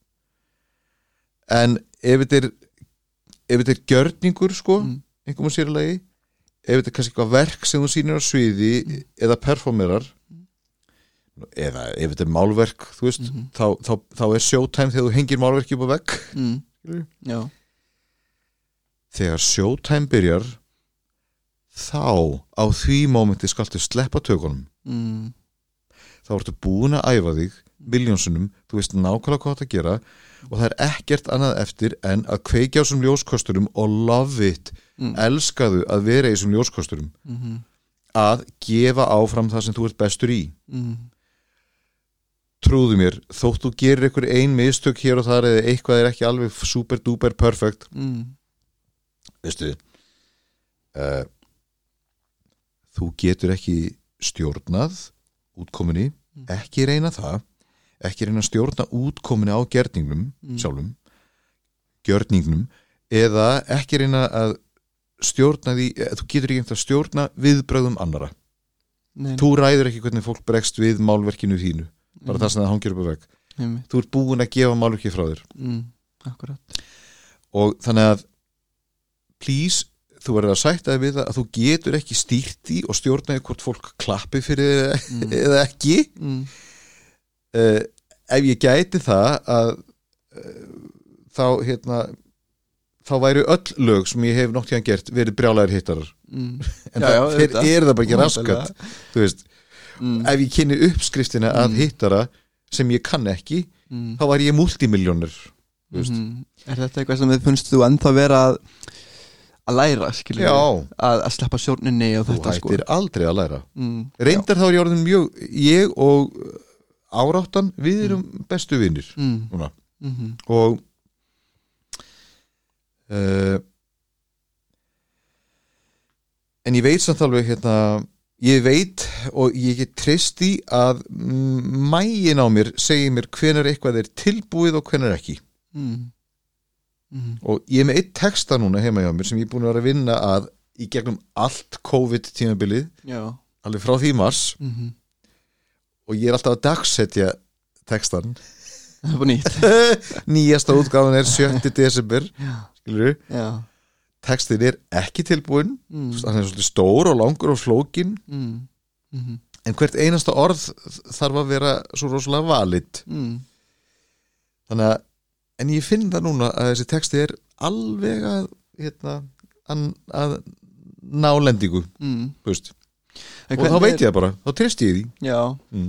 en þetta er svona finnst þetta að halda spinnu líka bara í hendur við að hérna uh, ég er að mynda mér sko hvernig það er að vera í þessum bransa og, og vera sannur sjálfum sér Mhm. hvernig hvernig er það fyrir þér? Mm, veistu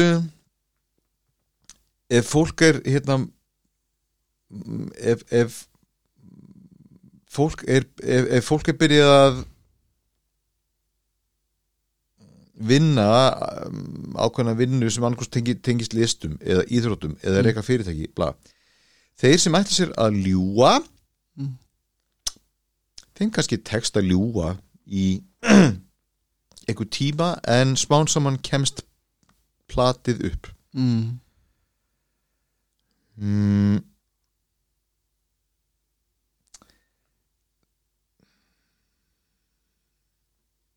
Og, og vá hvað þú þarf bara að taka ábyrð af því sjálfur Mm.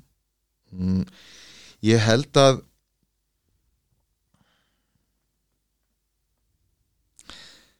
sko ég reyna að sjá, sjá fyrir mér sko þetta með uh, að, þegar búin að taka út þetta er langa æfinga Mm. þjálfunarferli lag og fer síðan að vinna við þetta og, Mm. og skýrir svo frá þér Einmitt. mm, þú kemst ekkit upp með að ljúga neitt vola lengi sko hvorki að sjálfum Já. þér nýja öðrum Mm. það er að- óslega íþingjandi Mm. að þykjast vera eðsla klári í einhverju sem þú ert síðan ekkert klári Mm. og eða það er bara íþingjandi að ljúga ég mæli bara með að hérna, þe- þeim mun færri leindarmál Mm. þeim mun auðveldara líf Mm. Veist, ef þú nennir að burðast með einhver leyndamál á bakinu allan daginn, Mm. þá rógast þú bara með þau Mm. í gegnum lífi og tilvöruna Mm. og vá, verði þér að góðu en, en daginn sem þú springur á liminu og getur ekki rógast með þessi leyndarmál lengur skilur bara samglist í fólki Mm. þegar hætti því miljónsinnum auðveldara að vera ekki með neinn leyndarmál Mm. Mm. Hvernig finnst þér hafa tekist fyrir sjálfa þig að, að lifa sangan sjálfið þér í öllu þessu ferli, í mismunandi, þú veist, tónlistar, stílum jáfnvel og, og gegnum ferilinn, finnst þér alltaf að ná að vera bara svona, já þetta er 100% ég í hverju einsta verkefni, Mm. það finnst þér stundum eins og þú hafir nei, nei. Stundum er maður líka að leika þú veist, og stundum er maður mm, að fýblast og það er alltaf leið mm, en það er, en það er samt ákveðið kór mm, í öllu sem ég skila frá mér. Það er ákveðin kjarni í mm, öllu sem ég skila frá mér sem er alltaf auðsið pallalegur mm, Já, já. Mjög erfitt að kannski festa fingur á það. En, en meiri sé að ég tek eftir því sjálfur það er nú bara fallegt. Já. Það er bara svona trademark. Mm, annarkvæmt eitthvað sound eða look eða ákveðin orðanótkun eða ákveðin stíl skilur já, og og það er nú bara eitthvað sem þróast ég meina nú, nú ertu náttúrulega búin að vera nú við erum að tala um hann um sko þú veist, 80s og 90s kannski aðalega þegar þú ferð alveg bara fullt. Mm. búin að vera, núna er 2020 Mm. Þetta er langu tími. Já, svona lætin byrjaði þarna 1991 Já, þegar við vorum með Rocky Horror í MH einmitt, einmitt. Og svo strax í kjölfarið byrjaði dragsjógun mm. á Múla Rús þannig að þetta er svo mikill hrærigrautur af alls konar sem var að gerast af því ég, ég var líka að vinna í útvarpi á þessum tíma Mm. og svo byrjaði ég líka að vinna með, með miljónamæringunum 93 Já, akkurat.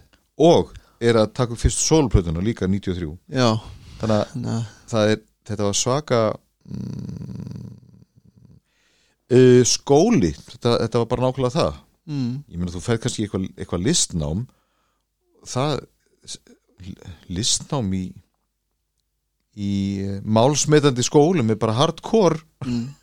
hardcore. Já, og en, en eh, það er bara verið að undibúa mann fyrir það sem koma skildi já. Mm. það er svona stóri parturinn stóri búnurinn En hvernig finnst þér að hérna, vera relevant? Þú veist, hvernig finnst þér, eða þú veist ég mynda mér, þú veist, með að vera í þessum bransan, nú hlaðar ég þekki ekki sjálfur. Uh, að halda, þú veist, ég veit ekki hvernig maður að halda sér svona in the game eða þú veist þannig. Já. Ég veit ekki alveg akkurat núna hversu relevant ég er.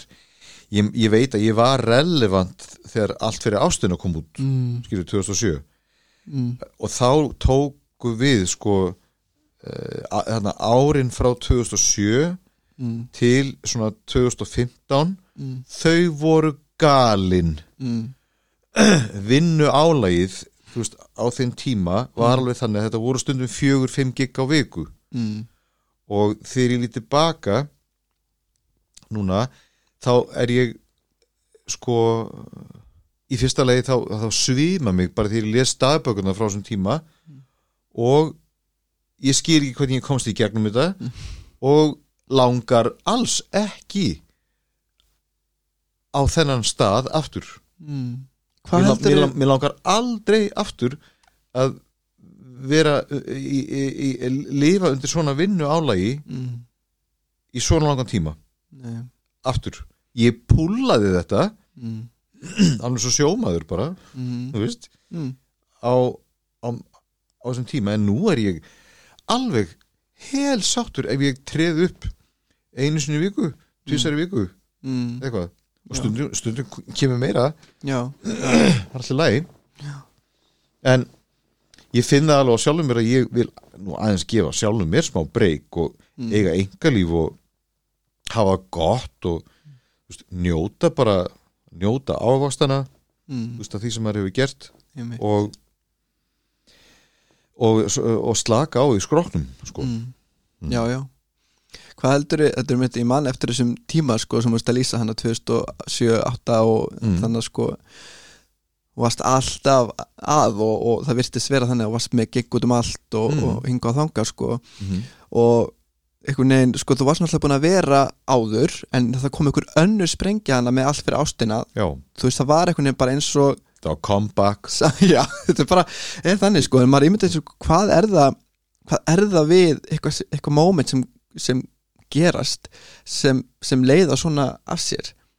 Málið er að ég held að þótt kannski rjómin af þjóðinni hafi upp, upplifað allt fyrir ástæðan sem comeback mm. þá leið mér alls ekki eins og ég hefði farið neitt. Nei, nei, einmitt. Ég var ímynda mér það. að allan tíman mm, og ég hef alltaf verið að. Mm, það þýðir að ég er búin að vera að halda mér í þjálfun. Mm, Æfingin. Og þannig að þegar kallið kom mm, þú veist, þegar þessi rosalegi hittari kom mm, þá var ég bara tilbúin þú veist, Já, já. ég var bara með be- beltin spennt og með reynsluna og hérna, hvað segi ég? Mm. 6 gig á viku, bring it on. Mm, hvar á ég að mæta? Mm, Já, þannig að, uh, þannig að ég var ofslega vel undirbúin, Já, þú veist. Einmitt og og svo hérna mm, uh, hvað getur sagt ég get ekki annað að verið þakkláttur fyrir að vera ennþá á svæðinu. Eða, veist, ég er bara þakkláttur í hversin sem, sem síminn hringir. Mm, ég er að vinna vinnu þar sem í rauninni atvinnu öryggið er 0% Algjörlega. Og Og ennþá minna núna. Í sjálfu sér það fyrsta. Og ég er um, hvað er þetta já ég er eiginlega bara þegar ég lítið baka mjög mjög sáttur. Ég er svo skrítin og fyndin með það mér líður alltaf eins og ég hafi aldrei gert neitt í lífinu. Og þá þarf ég að kíkja á Spotify. Vá, og sjá allar þessar plötur og, Mm. mm. og sko, skoða allir þessu lög og drullast þess að hlusta á summa af þessu lögum algjörlega. sjálfur. Og, hérna, og þá rennur alltaf upp fyrir mér heyrðu, jú, heyrðu, ég er búin að gera fullt. Heyrðu, ég er bara mjög ánæðið með Mm. þetta. Takk, mm. ég voða fyndin með þetta Hefur hérna átt eh, svona, hvað sem er, erfitt með að svona hvað sem er vera að hlusta Eh, sjálf á mig Já, eða svona finna, að finna fyrir stolti hvað sjálfur þér Mm. ég er orðin mun betri í því núna mm. kannski kemur svona stolt Mm. sko sjálfkrafa inn eftir því sem þú eldist og þegar þú færið eitthvað tækifæri til að lít, líta aftur að auðvitað þessu stoltur af góða, góða stöffinu sem þú hefur gert Mm. Og líka börnuna sem þú hefur eignast og, Mm. og allt þetta Mm. jú, Mm. ég held að stoltið komi sjálfkrafa eftir því sem árin færast yfir Mm. Ég veit þannig að þú Þú ert að upplifa það núna að horfa tilbaka og svona, hmm, já, já, ok ég, er ég er svaka sáttur sko Já, þetta er mikið af fallegum lögum og mikið af fallegum augnablikum sem að ég get, hérna, ég get búið til svona slideshow í hausnum á mér, veistu hvað slideshow er? mm, ég veit ekki eins og niður Ég veit ekki svona en, íslensku orðið fyrir það. Nei, ég get búið til með, með svona minningabanki sem að Já, margar, margar indislegar minningar sem að ég mun aldrei gleyma svo lengi sem ég lifi. Mm, og mm, veist, ég mun aldrei gleyma í mitt frumsynningun á Gumítasan mm, ég mun aldrei gleyma frumsynningun á Rocky Horror já, í MH já. Ég mun aldrei gleyma Múlan Rús og sérstaklega Ungfrú Þokka fyrir sangetninni sem ég held um. Og ég mun aldrei gleyma fyrsta gigginu mín á tunglinu þá, þá vorum við að kynna stöðplötuna ég mun aldrei gleyma fyrstu gleðigöngunni árið 2000 ég mitt því augnarbliki bara þegar bí- bíllinn beigir hérna handan hots, hotsins á lögustöðin á hlemmi Í Hlemm, og við já. feysum laugavegin sem var smekk fullur af fólki. Mm, þetta er eitt, eitt af augnablikunum sem ég mun aldrei glemma Já, mm. ég mun aldrei gleyma Eurovision ballinu á NASA þar sem Icy-hópurinn kom fram já, í fyrsta sinn eftir langamæðu og þakið fór af húsinu. Mm, og ég mun aldrei gleyma tónleikonum með Simfó í hörpu. Uh, í Hörpu. Ég mun aldrei gleyma tónleikonum í Lögutarsöllinni Já. uh, þú veist, og svo vinnunni upp í borgarleikusinu þegar við gerðum Rocky Horror aftur. Já, um, þú veist ég mun aldrei gleyma Eurovision 97 í Dublin.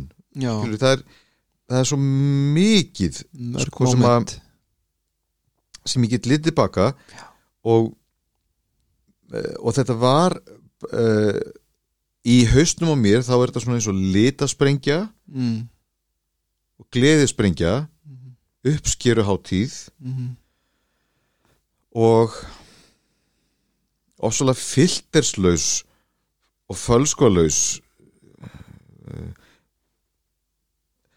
uh, bara með djúb gleði yfir því að eitthvað ætlunarverk tóst mm, skilur við mm, kannski að, þau, að því þetta byrjaði allt saman í svo miklum í rauninni mótþróa og það var svo mikið andstreymi. Já, þarna 87 þú veist, hammar að drepast úr AIDS. Og það eru fyrstu kommentin sem koma frá pappa og mömmu þegar ég kem út. Já, já, veist, það, þau hérna, þau segja mig allar að drepast úr AIDS? Eða bara Já. þú drefst úr AIDS. Mm, býtu, og hvað? Hérna uh, þú mátt alls ekki fara upp í öskjulí það eru bara einhverju pervertir sem að hérna, sem að ráðast á þau þar. Mm, pappa og mamma höfðu ekki hugmyndum að ég sjálfur fór upp í öskjulí alltaf og ég var að leita pervertum. Leitaðu uppi. Og, uh, og svo segja þú verður rekin úr íbúðum þú verður rekin úr vinnu. Hvað er allar að fá vinnu? Vistu, allar þessar bölbænir skiluru Mm.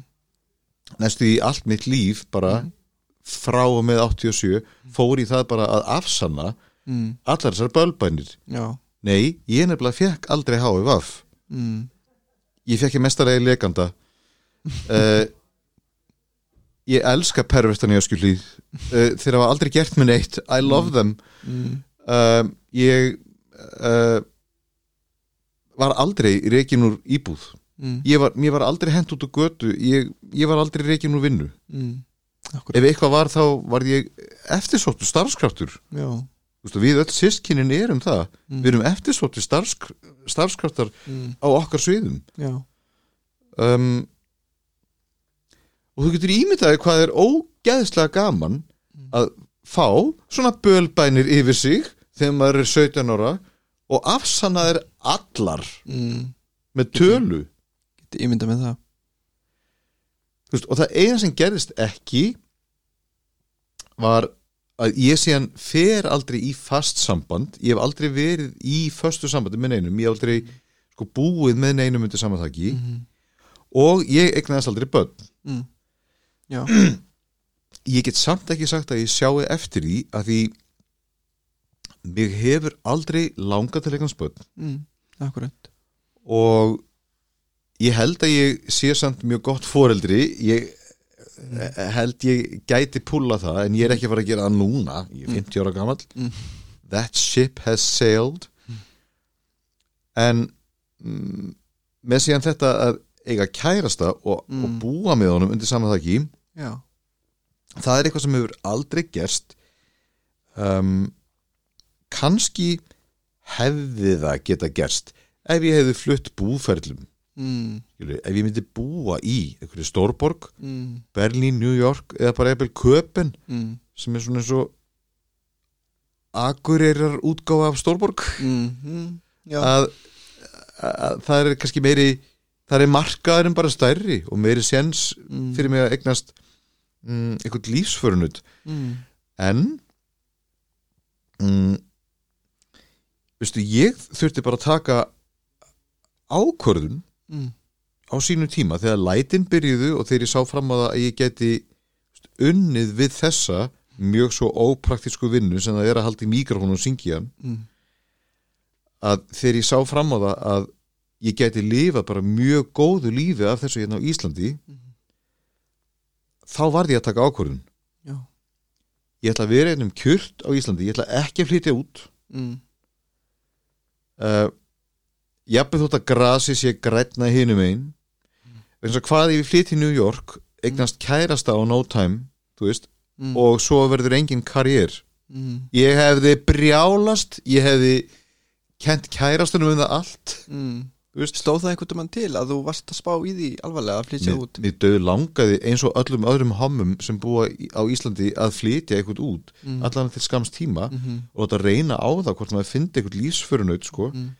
Eða eitthvað sem að uh, er meira samferðamanni? Þú veist, töltir með manni í gegnum þú veist, svipaða senu eða svipaða svona lífskoðanir Já, já, já, akkurat. Og jafnveg þótt ég segi að öll hinn segir bara að hún má alls ekki vera flokka pólitísk mm. þá óneittalega, ég get ekki ráðið því en hún sk- skiptist upp í senur. Þetta er eitthvað sem þú finnur óslega vel fyrir að þú flytur kannski til stórborgar eins og New York Mm. eða þú veist, að þú flytur til Berlínar Mm. þú flytur til Berlínar þú, og þú bara sem Q manneskja Mm. veist, mér finnst LGBTQ RSTUF XYZ þetta er Mm. mér finnst oflátt Mm. mér finnst best að segja bara Q-fólk Mm Já ef þú ert queer, ef þú ert Q-fólk mm. Q-manneskja Já, ég, ég, ég, hugsaði um belju fyrst sko. Verður það góðu Nei, þá bara velur þú þér þá senu sem þér líst best á. Mm. ef þú fílar bara umgangast gaura sem er í einhverjum jakkafötum Mm. nýkonur af Wall Street eða eitthvað Mm. þá finnur þú þá senu skilur já uh, ef þú hérna ef þú lifir skapandi kynlífi og vill stunda extreme sex veist, og vera leður klættur frá kvirti til illi á meðan þú gerir það þá bara finnur þú þá senu. Já, ef þú hlita háraðu blátt og hérna uh, ganga bara um í notum fötum og fórt á götu og lemja lögguna þú veist, þá finnur þú þá senu. Mm. og þá tilherur þú henni. Já, akkurat. Og svolítið magnað að hérna að sjá til þess, til dæmis í Berlín sem ég þekki mjög vel mm. Að, uh, að, að með þessi heilu hverfin eru farin að skiptast upp. Veist, það er svona polarisering í Mm. hins egin baróttunni, með þessi að milli hverfa. Mm. Mm að liðið sem býr í Náuköln lætur ekki sjá sig í Sjöneberg það eru þú veist, Það er svona meira posh eitthvað að vera þar og náukólinni svona nýrra og eitthvað meira þetta er, þetta er alveg ég, ég er alltaf jafn gáttaður sko. Eh, þú veist, þegar, þegar ég verð vitna þessu mér, mér finnst þetta ekki rétt. Mm. mér finnst þetta ekki eh, hérna, ég vildi óska þess að þetta væri öðru sí en það er ekki öðru sí við bara þetta- sjálfur verðum að passa okkur ef við, ef við sem erum í allan að forsvari Já, fyrir hins eginn baráttu. Já, ég held að þurfum að passa okkur á þessu. Ekki gera, gera þetta flokkapólitík uh, að því það er það ekki. Mm, hins eginn fólk finnst í öllum flokkum mm, punktur. Mm, og um, ekki leitar að óvinnum mm, mm, að því það er til nóg af þeim. Mm, og mm, það er mjög auðvelt þetta er lazy, það er mjög auðvelt fyrir að finna óvinni. Mm, þegar þú ert kú manneskja, það er ekkert mál. Mm, en uh, en allan ég mani til sjálfum mér við, við þarna eitthvað 87 mm, við vissum alveg að það væri fólk þarna sem sæja okkur allt til foráttu. Já, en við brjáluðumst ekkit út í þau. Nei, við vissum alveg að þau væri þarna. Já. En við pössum það bara fyrir eitthvað upp á það að vera með hvort öðru. Mm, veist, vera í slagtögi með fólki sem er með þér í liði. Mm, akkurat, skilurðu. ég mitt en að brjálast út í fólk sem er ekki hjartanlega sammála þeir í einu öllu veistu, Mm. það er eðsla á orku. Mm, farðu betur með svo orku og mm, eh, búðu, búðu til eitthvað fallegt úr henni. Mm, finnst sér uh, finnst sér þessi polarisering vera að gerast innan hins eginn samfélagsins Já, hér á Íslandi? Já, og ég get ekki ég get hann ekki og ég get ekki, þátt í henni. Nei, ég vil það ekki ég, vant, ég lappa fyrir eitthvað út úr herbyggjur finnst sér vanta meira þú veist, allir fyrir alla? Mm. þangagangin skilur við að við séum öll bara að, að við, í sjálfu sér nei að því það eh, í gleðigöngunni er allir fyrir alla. Já, já, einmitt. Þú veist, come on. En svona þess á milli. Mm. Ég hef bara séð ákveðið fólk. Mm, mm. eh, sko gera hluti sérstaklega á internetinu sem eru mér ekki að skapi. Allan að ég myndi ekki gera það. Mm, þú veist. Mm, og mm, veistu, í svona viðtali ég ætla ekki að fara að neymdroppa fólk nei, sem ég sé á netinu. Ég vil frekar fokk samfélagsmiðlar, ég vil frekar eiga samtal við þetta fólk, mm, face to face í Mm. kjötheimum. Mm, það sem ég kannski ger mér þá betur grein fyrir því hvað þeim gengur til. Mm, að því ég þarf líka að vita hvaðan þau koma já, og þau þurfa að vita hvaðan ég kem. Mm, þau vita kannski hver Páll Óskar er og þekkja hann kannski í einhverjum paljötubúningi mm, en þetta er fólk sem hefur aldrei hitt mig. Mm, ekki svona í einhverju herbyggi að tala face to face. Mm, einmitt einmitt, nei þetta er svona það hefur kannski ég sjálfur er ekkert rosalega sko, ekkert svona mjög virkur þú veist, svona inn í einhvern veginn þú veist frek, eða, ok, þetta er lítið samfélag sem við höfum hérna, ef við tölum um hins einn samfélagi eða kú samfélagi, mm. eða hvað sem við belju samfélagið hérna uh, en maður hefur svona kannski pínu upplifa skilur það eru svona viss, svona viss skipting sem ég fannst ég ekki beint finna fyrir sko, ég kom út á skáfnum líka mjög ungur þannig að það er svolítið langt síðan Mér finnst þetta orðið svona meira, það er kannski svona meiri vitundavækning á s- öðrum jáðarhópum sem eru samt innan hins einn samfélagsins Mm -hmm. en ég líti alltaf á bara að við erum öll bara saman sko að ber, að, þú veist að bara eigum sama tillistarétt og, og sem er réttind og það allt sko Um. Og mér það kannski svona stundum missa sjónar að því eins og einhver annar hópur e- eiga, að ég veit það ekki. Nei, hefur hún kannski komin út í á politist mm, en hérna, en já. viltu, viltu hafa þetta með? já, Vi- já, já, já, við höfum þetta bara með. Ég klipp ekkert á neitt, það er allt bara við hérna, nei, nei, en ég fó bara aðeins að pæla í þessu. Ok. Uh, en hérna mér finnst sko uh, mér veit það sem þú segir og hvernig þú segir frá þá er þess að þú fylgir þú fylgir bara hjartanu það er að, að fylgja hjartanu það er þú veist eins og segir sko þú ert hana með gjöf sem að þú bara æfir og þjálfar mm -hmm. og, og, og fylgir bara eftir. En það er rosa mikið oft talað um uh, að fylgja hjartanu þú ætti að fylgja hjartanu. Já, já. Uh, hvað er það? Því ég sjálfur bara svona ok þú veist, ég meina, auðvitað ger ég það. Eða þú veist, af hverju ætti ég ekki að ég myndi segja að, þetta að fylgja hjartanu það er blanda af þessari sín og Mm. metnaði.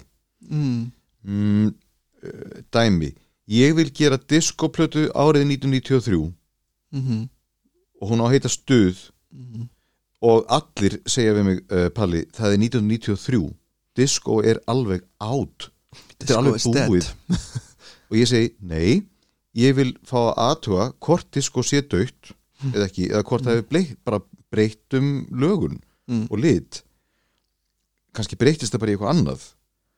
Og ég hef líka áhuga á þessu energi. Af hverju er 90% af þessu svona mm, lélegt og 10% snild? Mm, ég vil díla við þetta, ég hef áhuga á þessu. Mhm, uh, hér er uh, hér er vision. Hér er sín, mm, ég vil gera diskoplötu á 93 þegar diskoplatan síðan seldist ekki raskat mm, veist, eða allan að það var stríð á milli Japis og skífunar og, og Steina, Vá. Steinars Bergs þeir voru að fela plötur hvors annars undir borðum fela gísladiskana frá hvort öðrum og það voru bara skífuplötur í skífubúðinni. Þú veist uh, uh, uh, svona var tókstritan sko í þá daga. Uh, þá spý, spýtti ég bara í lóana að því ég frétti að krakkarnir og unglingarnir litlu þau föttuðu Mm. stuðplötuna fyrst. Já. Hvað ger ég? Ég spýti lóana og ég bókaði mig á hverja einustu félagsmið stöð og hvern einastu grunnskóla sem til var á landinu og túraði everywhere, söng kannski 5-6 lög á hverjum stað og allt vittlust ambition, mm, metnaður. Já. Metnaður til að drulla þessu í loftið og tróða þessu í á liðinu. Mm, Þú veist, ég svaka frekja á prímatona ég, ég, ke- ég kemst þetta líka á frekjunni ég, lét, ég lét ekki stoppa mig sko. Mm, og í öllu þessu í hræri grötnum þú veist, gjöf mm, sín, metnaður mm, veistu, þar kviknar ástríða. Mm, ástríða er ekki fengin einhver staðar frá.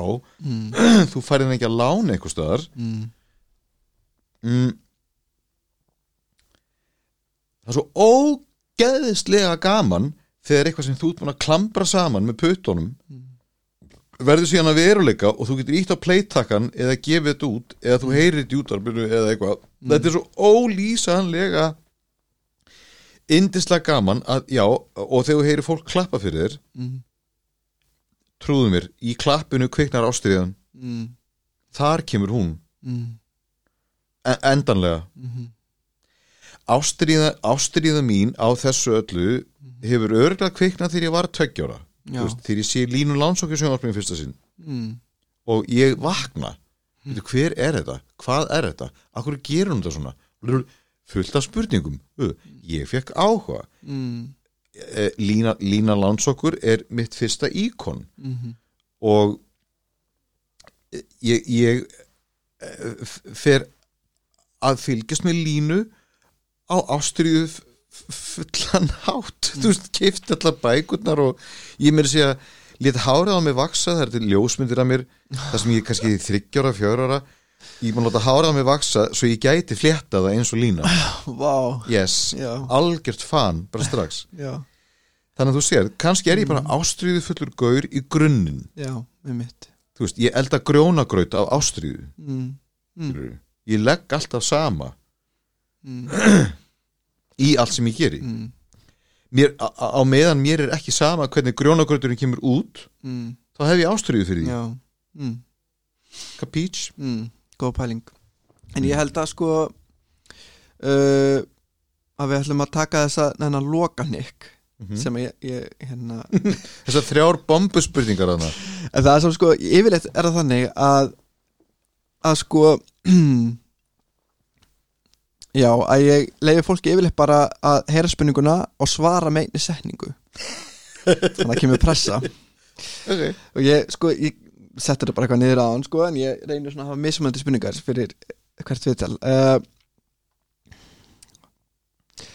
Þetta er svolítið svona Hvað vonar þú að fólk segi um þig eftir að þú ferð hérðan frá jarðskorpunni?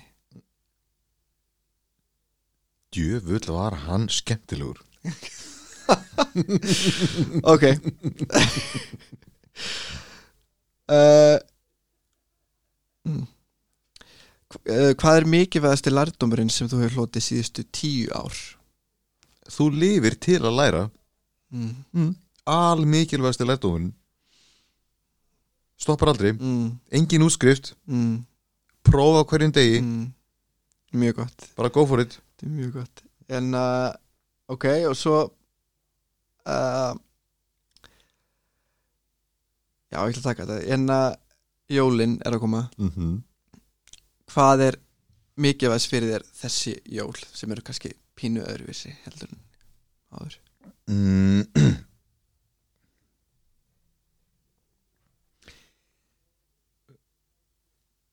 Ég mun ekki eða neinum tíma með fjölskyldinu og ég mun ekki köpa neina gjafir og það er fullt af stöfi sem ég er að fara að gera eh, sem ég er ekki að fara að gera þessi jól Ég verð svo sáttur ef ég fæ bara þennan frið í magan klukkan 6 á aðfangadag mm. þú veist, að því það er nákvæmlega það ég er alveg á því að mm, ég veit ekki hvort þú trúir á mm, mátt bænarinnar Mm. þú veist, eða hugleyslu eða eitthvað slíkt Mm. En ég held að af því við Íslendingar eigum þetta þarna klukkan 6 eitthvað, Já. við vitum að jólinn byrja klukkan 6 mm. það er ekkert svona neinstar annarstaðar held ég í heiminum. Uh, ég held samt, jú, kannski klukkan 6 eitthvað annarstaðar, I don't know.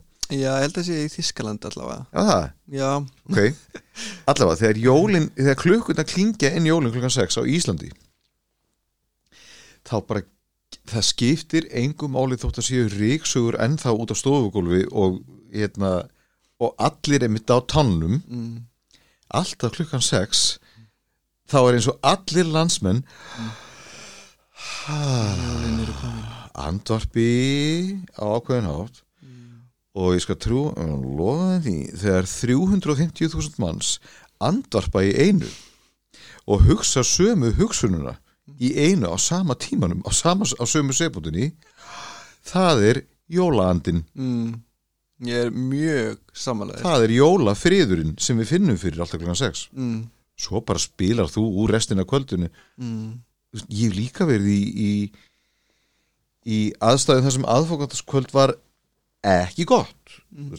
pappi minn drakk mjög mikið og hann var mikill sjúklingur líka það tók mér mörg ára að, að kveikja á því að hann væri sjúklingur. Já. En ekki, þú veist, hálfviti og aumingi eins og ég held hann væri. Mm.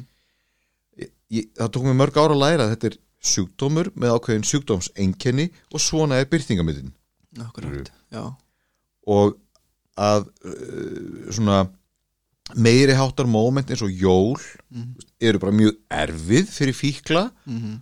og alkálista að þetta er svo rosaleg mælistrykka mælistrykka, þetta er svona augnablik sannleikans, moment of truth klukkan 6, Mm. þú getur ekki þú getur ekki annað en speiklað sjálfum á þig og spurt þig klukkan 6, hvar stend ég í lífinu Akkurat þetta er testið, mm. hvernig hefur fjölskyldna mín það, er fjölskyldna mín í lægi eða er mín fjölskylda í mólum Mm. er lífið mitt í lægi eða er það í mólum Mm. jólin eru svo, bara svo stillimind bara Mm. test color pattern Mm. Color bar á Mm. aðstæður þínar í lífinu. Mm. og ef að aðstæður þínar í lífinu eru ekki ákjónsanlegar þá geta jólin verið uh, mjög erfið þolraun að komast í gegnum. Já, þú getur ekki beðið eftir því að 27. desember komi. Já Ég mitt Og fara að preppa New Year's. Já, þannig að uh,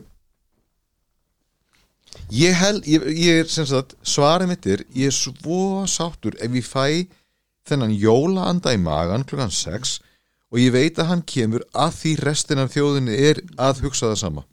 Ég mitt á þeim tíma. Mm. Mm. Það er eitthvað skonar Það er eitthvað samhæfing í, í hérna Svona hvað sem er, í þessu andlega. Já, Ég er alveg samanlegaður Ég held nefnilega að þetta sé eitthvað svona mjög mikið til í sko Og því það er eitthvað magical sem gerist Akkurat Mm. klukkan 6 þegar klukkuna byrja að ringja mm. ég held að þetta sé máttur bænarinnar. Þetta er ótrúlegt. Ég er alveg samanlega, ég er náttúrulega ég, Við tölum um það þessi síðasta þætti á þessu hlaðvarpi. Þá vorum við að tala um hvað er mikið væst þessi jól Og ég hef líka ammali á jólunum. Mhm. Þrjár mínútur yfir sex. Aha, Þannig að það er líka það sko. En mjög samanlega þessu Og ég vona að þú fáir hennan stingi maðan mm já. Uh, Ég held að við bara, kannski, höfum þetta ekki drosa mikið lengra. Við erum búin að tala um margt og mikið. Mjög næs.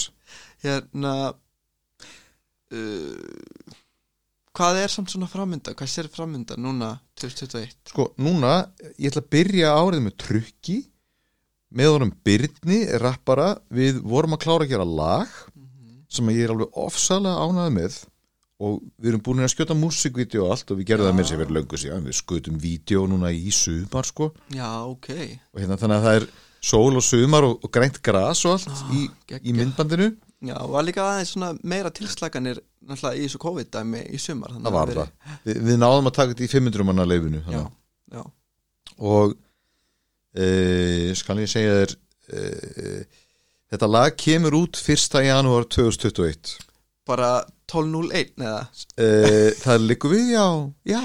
Bara 12.01 öll, öllum hérna partjum, tíu manna partjunum um alland já, þá mætir þetta lag. Já, skemmtilegt. Og ég og Byrnir og Þormóður sem pródúsir þetta okkur þykir svo vænt um þetta lag mm.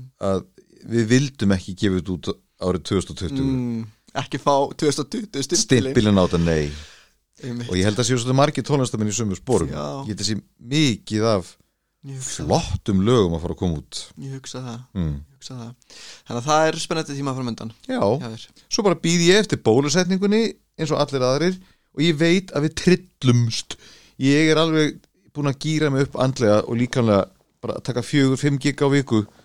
Já, þess vegna, ef kallið kemur og fólk er í stuði, sko. Já, ég veit að ég myndi elska að fara út á djammið. Já, ég myndi elska að fara að, að dansa og, og hérna syngja, þú veist, einhvern íslenkan slagara með einhverjum öðrum. Mm, og hérna að því það er ákveðin lífsgæði fólkin í því mm, að geta farið á í leikhús, tónleika bíómyndir, íþróttaleiki. Þessi tegunda samveru þetta er, það, núna í dag þá vitum við hvers konar lífsgæði eru fólkin í því. Mm, Einmitt, við finnum það núna. Þess að segja bara upp með nálina sprautið þessu í mig bara, mér er skýtsama ég hérna, vil gætnan bara fara aftur í gang, takk. Já.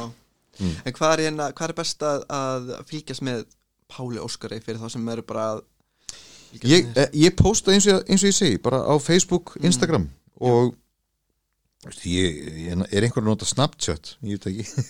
Ég, Ég er ekki með það, en ég posta vinlega þarna, ég er ekki á TikTok. Nei, mm. Það er ákveðið fólk að segja mér að drulla mér ákveðin Þetta er alveg pínu skemmtilegt app Ég hef alveg verið inn á þessu bara meikað ekki Það var alltaf mikið í gangi. Sko það er fólk í kringum mig sem er að segja Palli, þú getur grætt fullt á þessu þú getur sett lögin þín þangaðinn Svo byrja allar að búa til eitthvað koreografíur og okkar já. Og hérna, en já, já ok. kannski. ég það er bara að fá leiðsögn annars Já. fólks til þess. Kannski á nýja ári. Já, já, segjum það bara. Já. En herru, það var indislegt að spjalla við Ótrúlega gaman. Yes, sumulegis Og við verðum hér aftur í næstu viku. Tökum við síðasta þáttinn fyrir jól Það sem við förum yfir þetta æðislega ár 2020 Sjáumst þá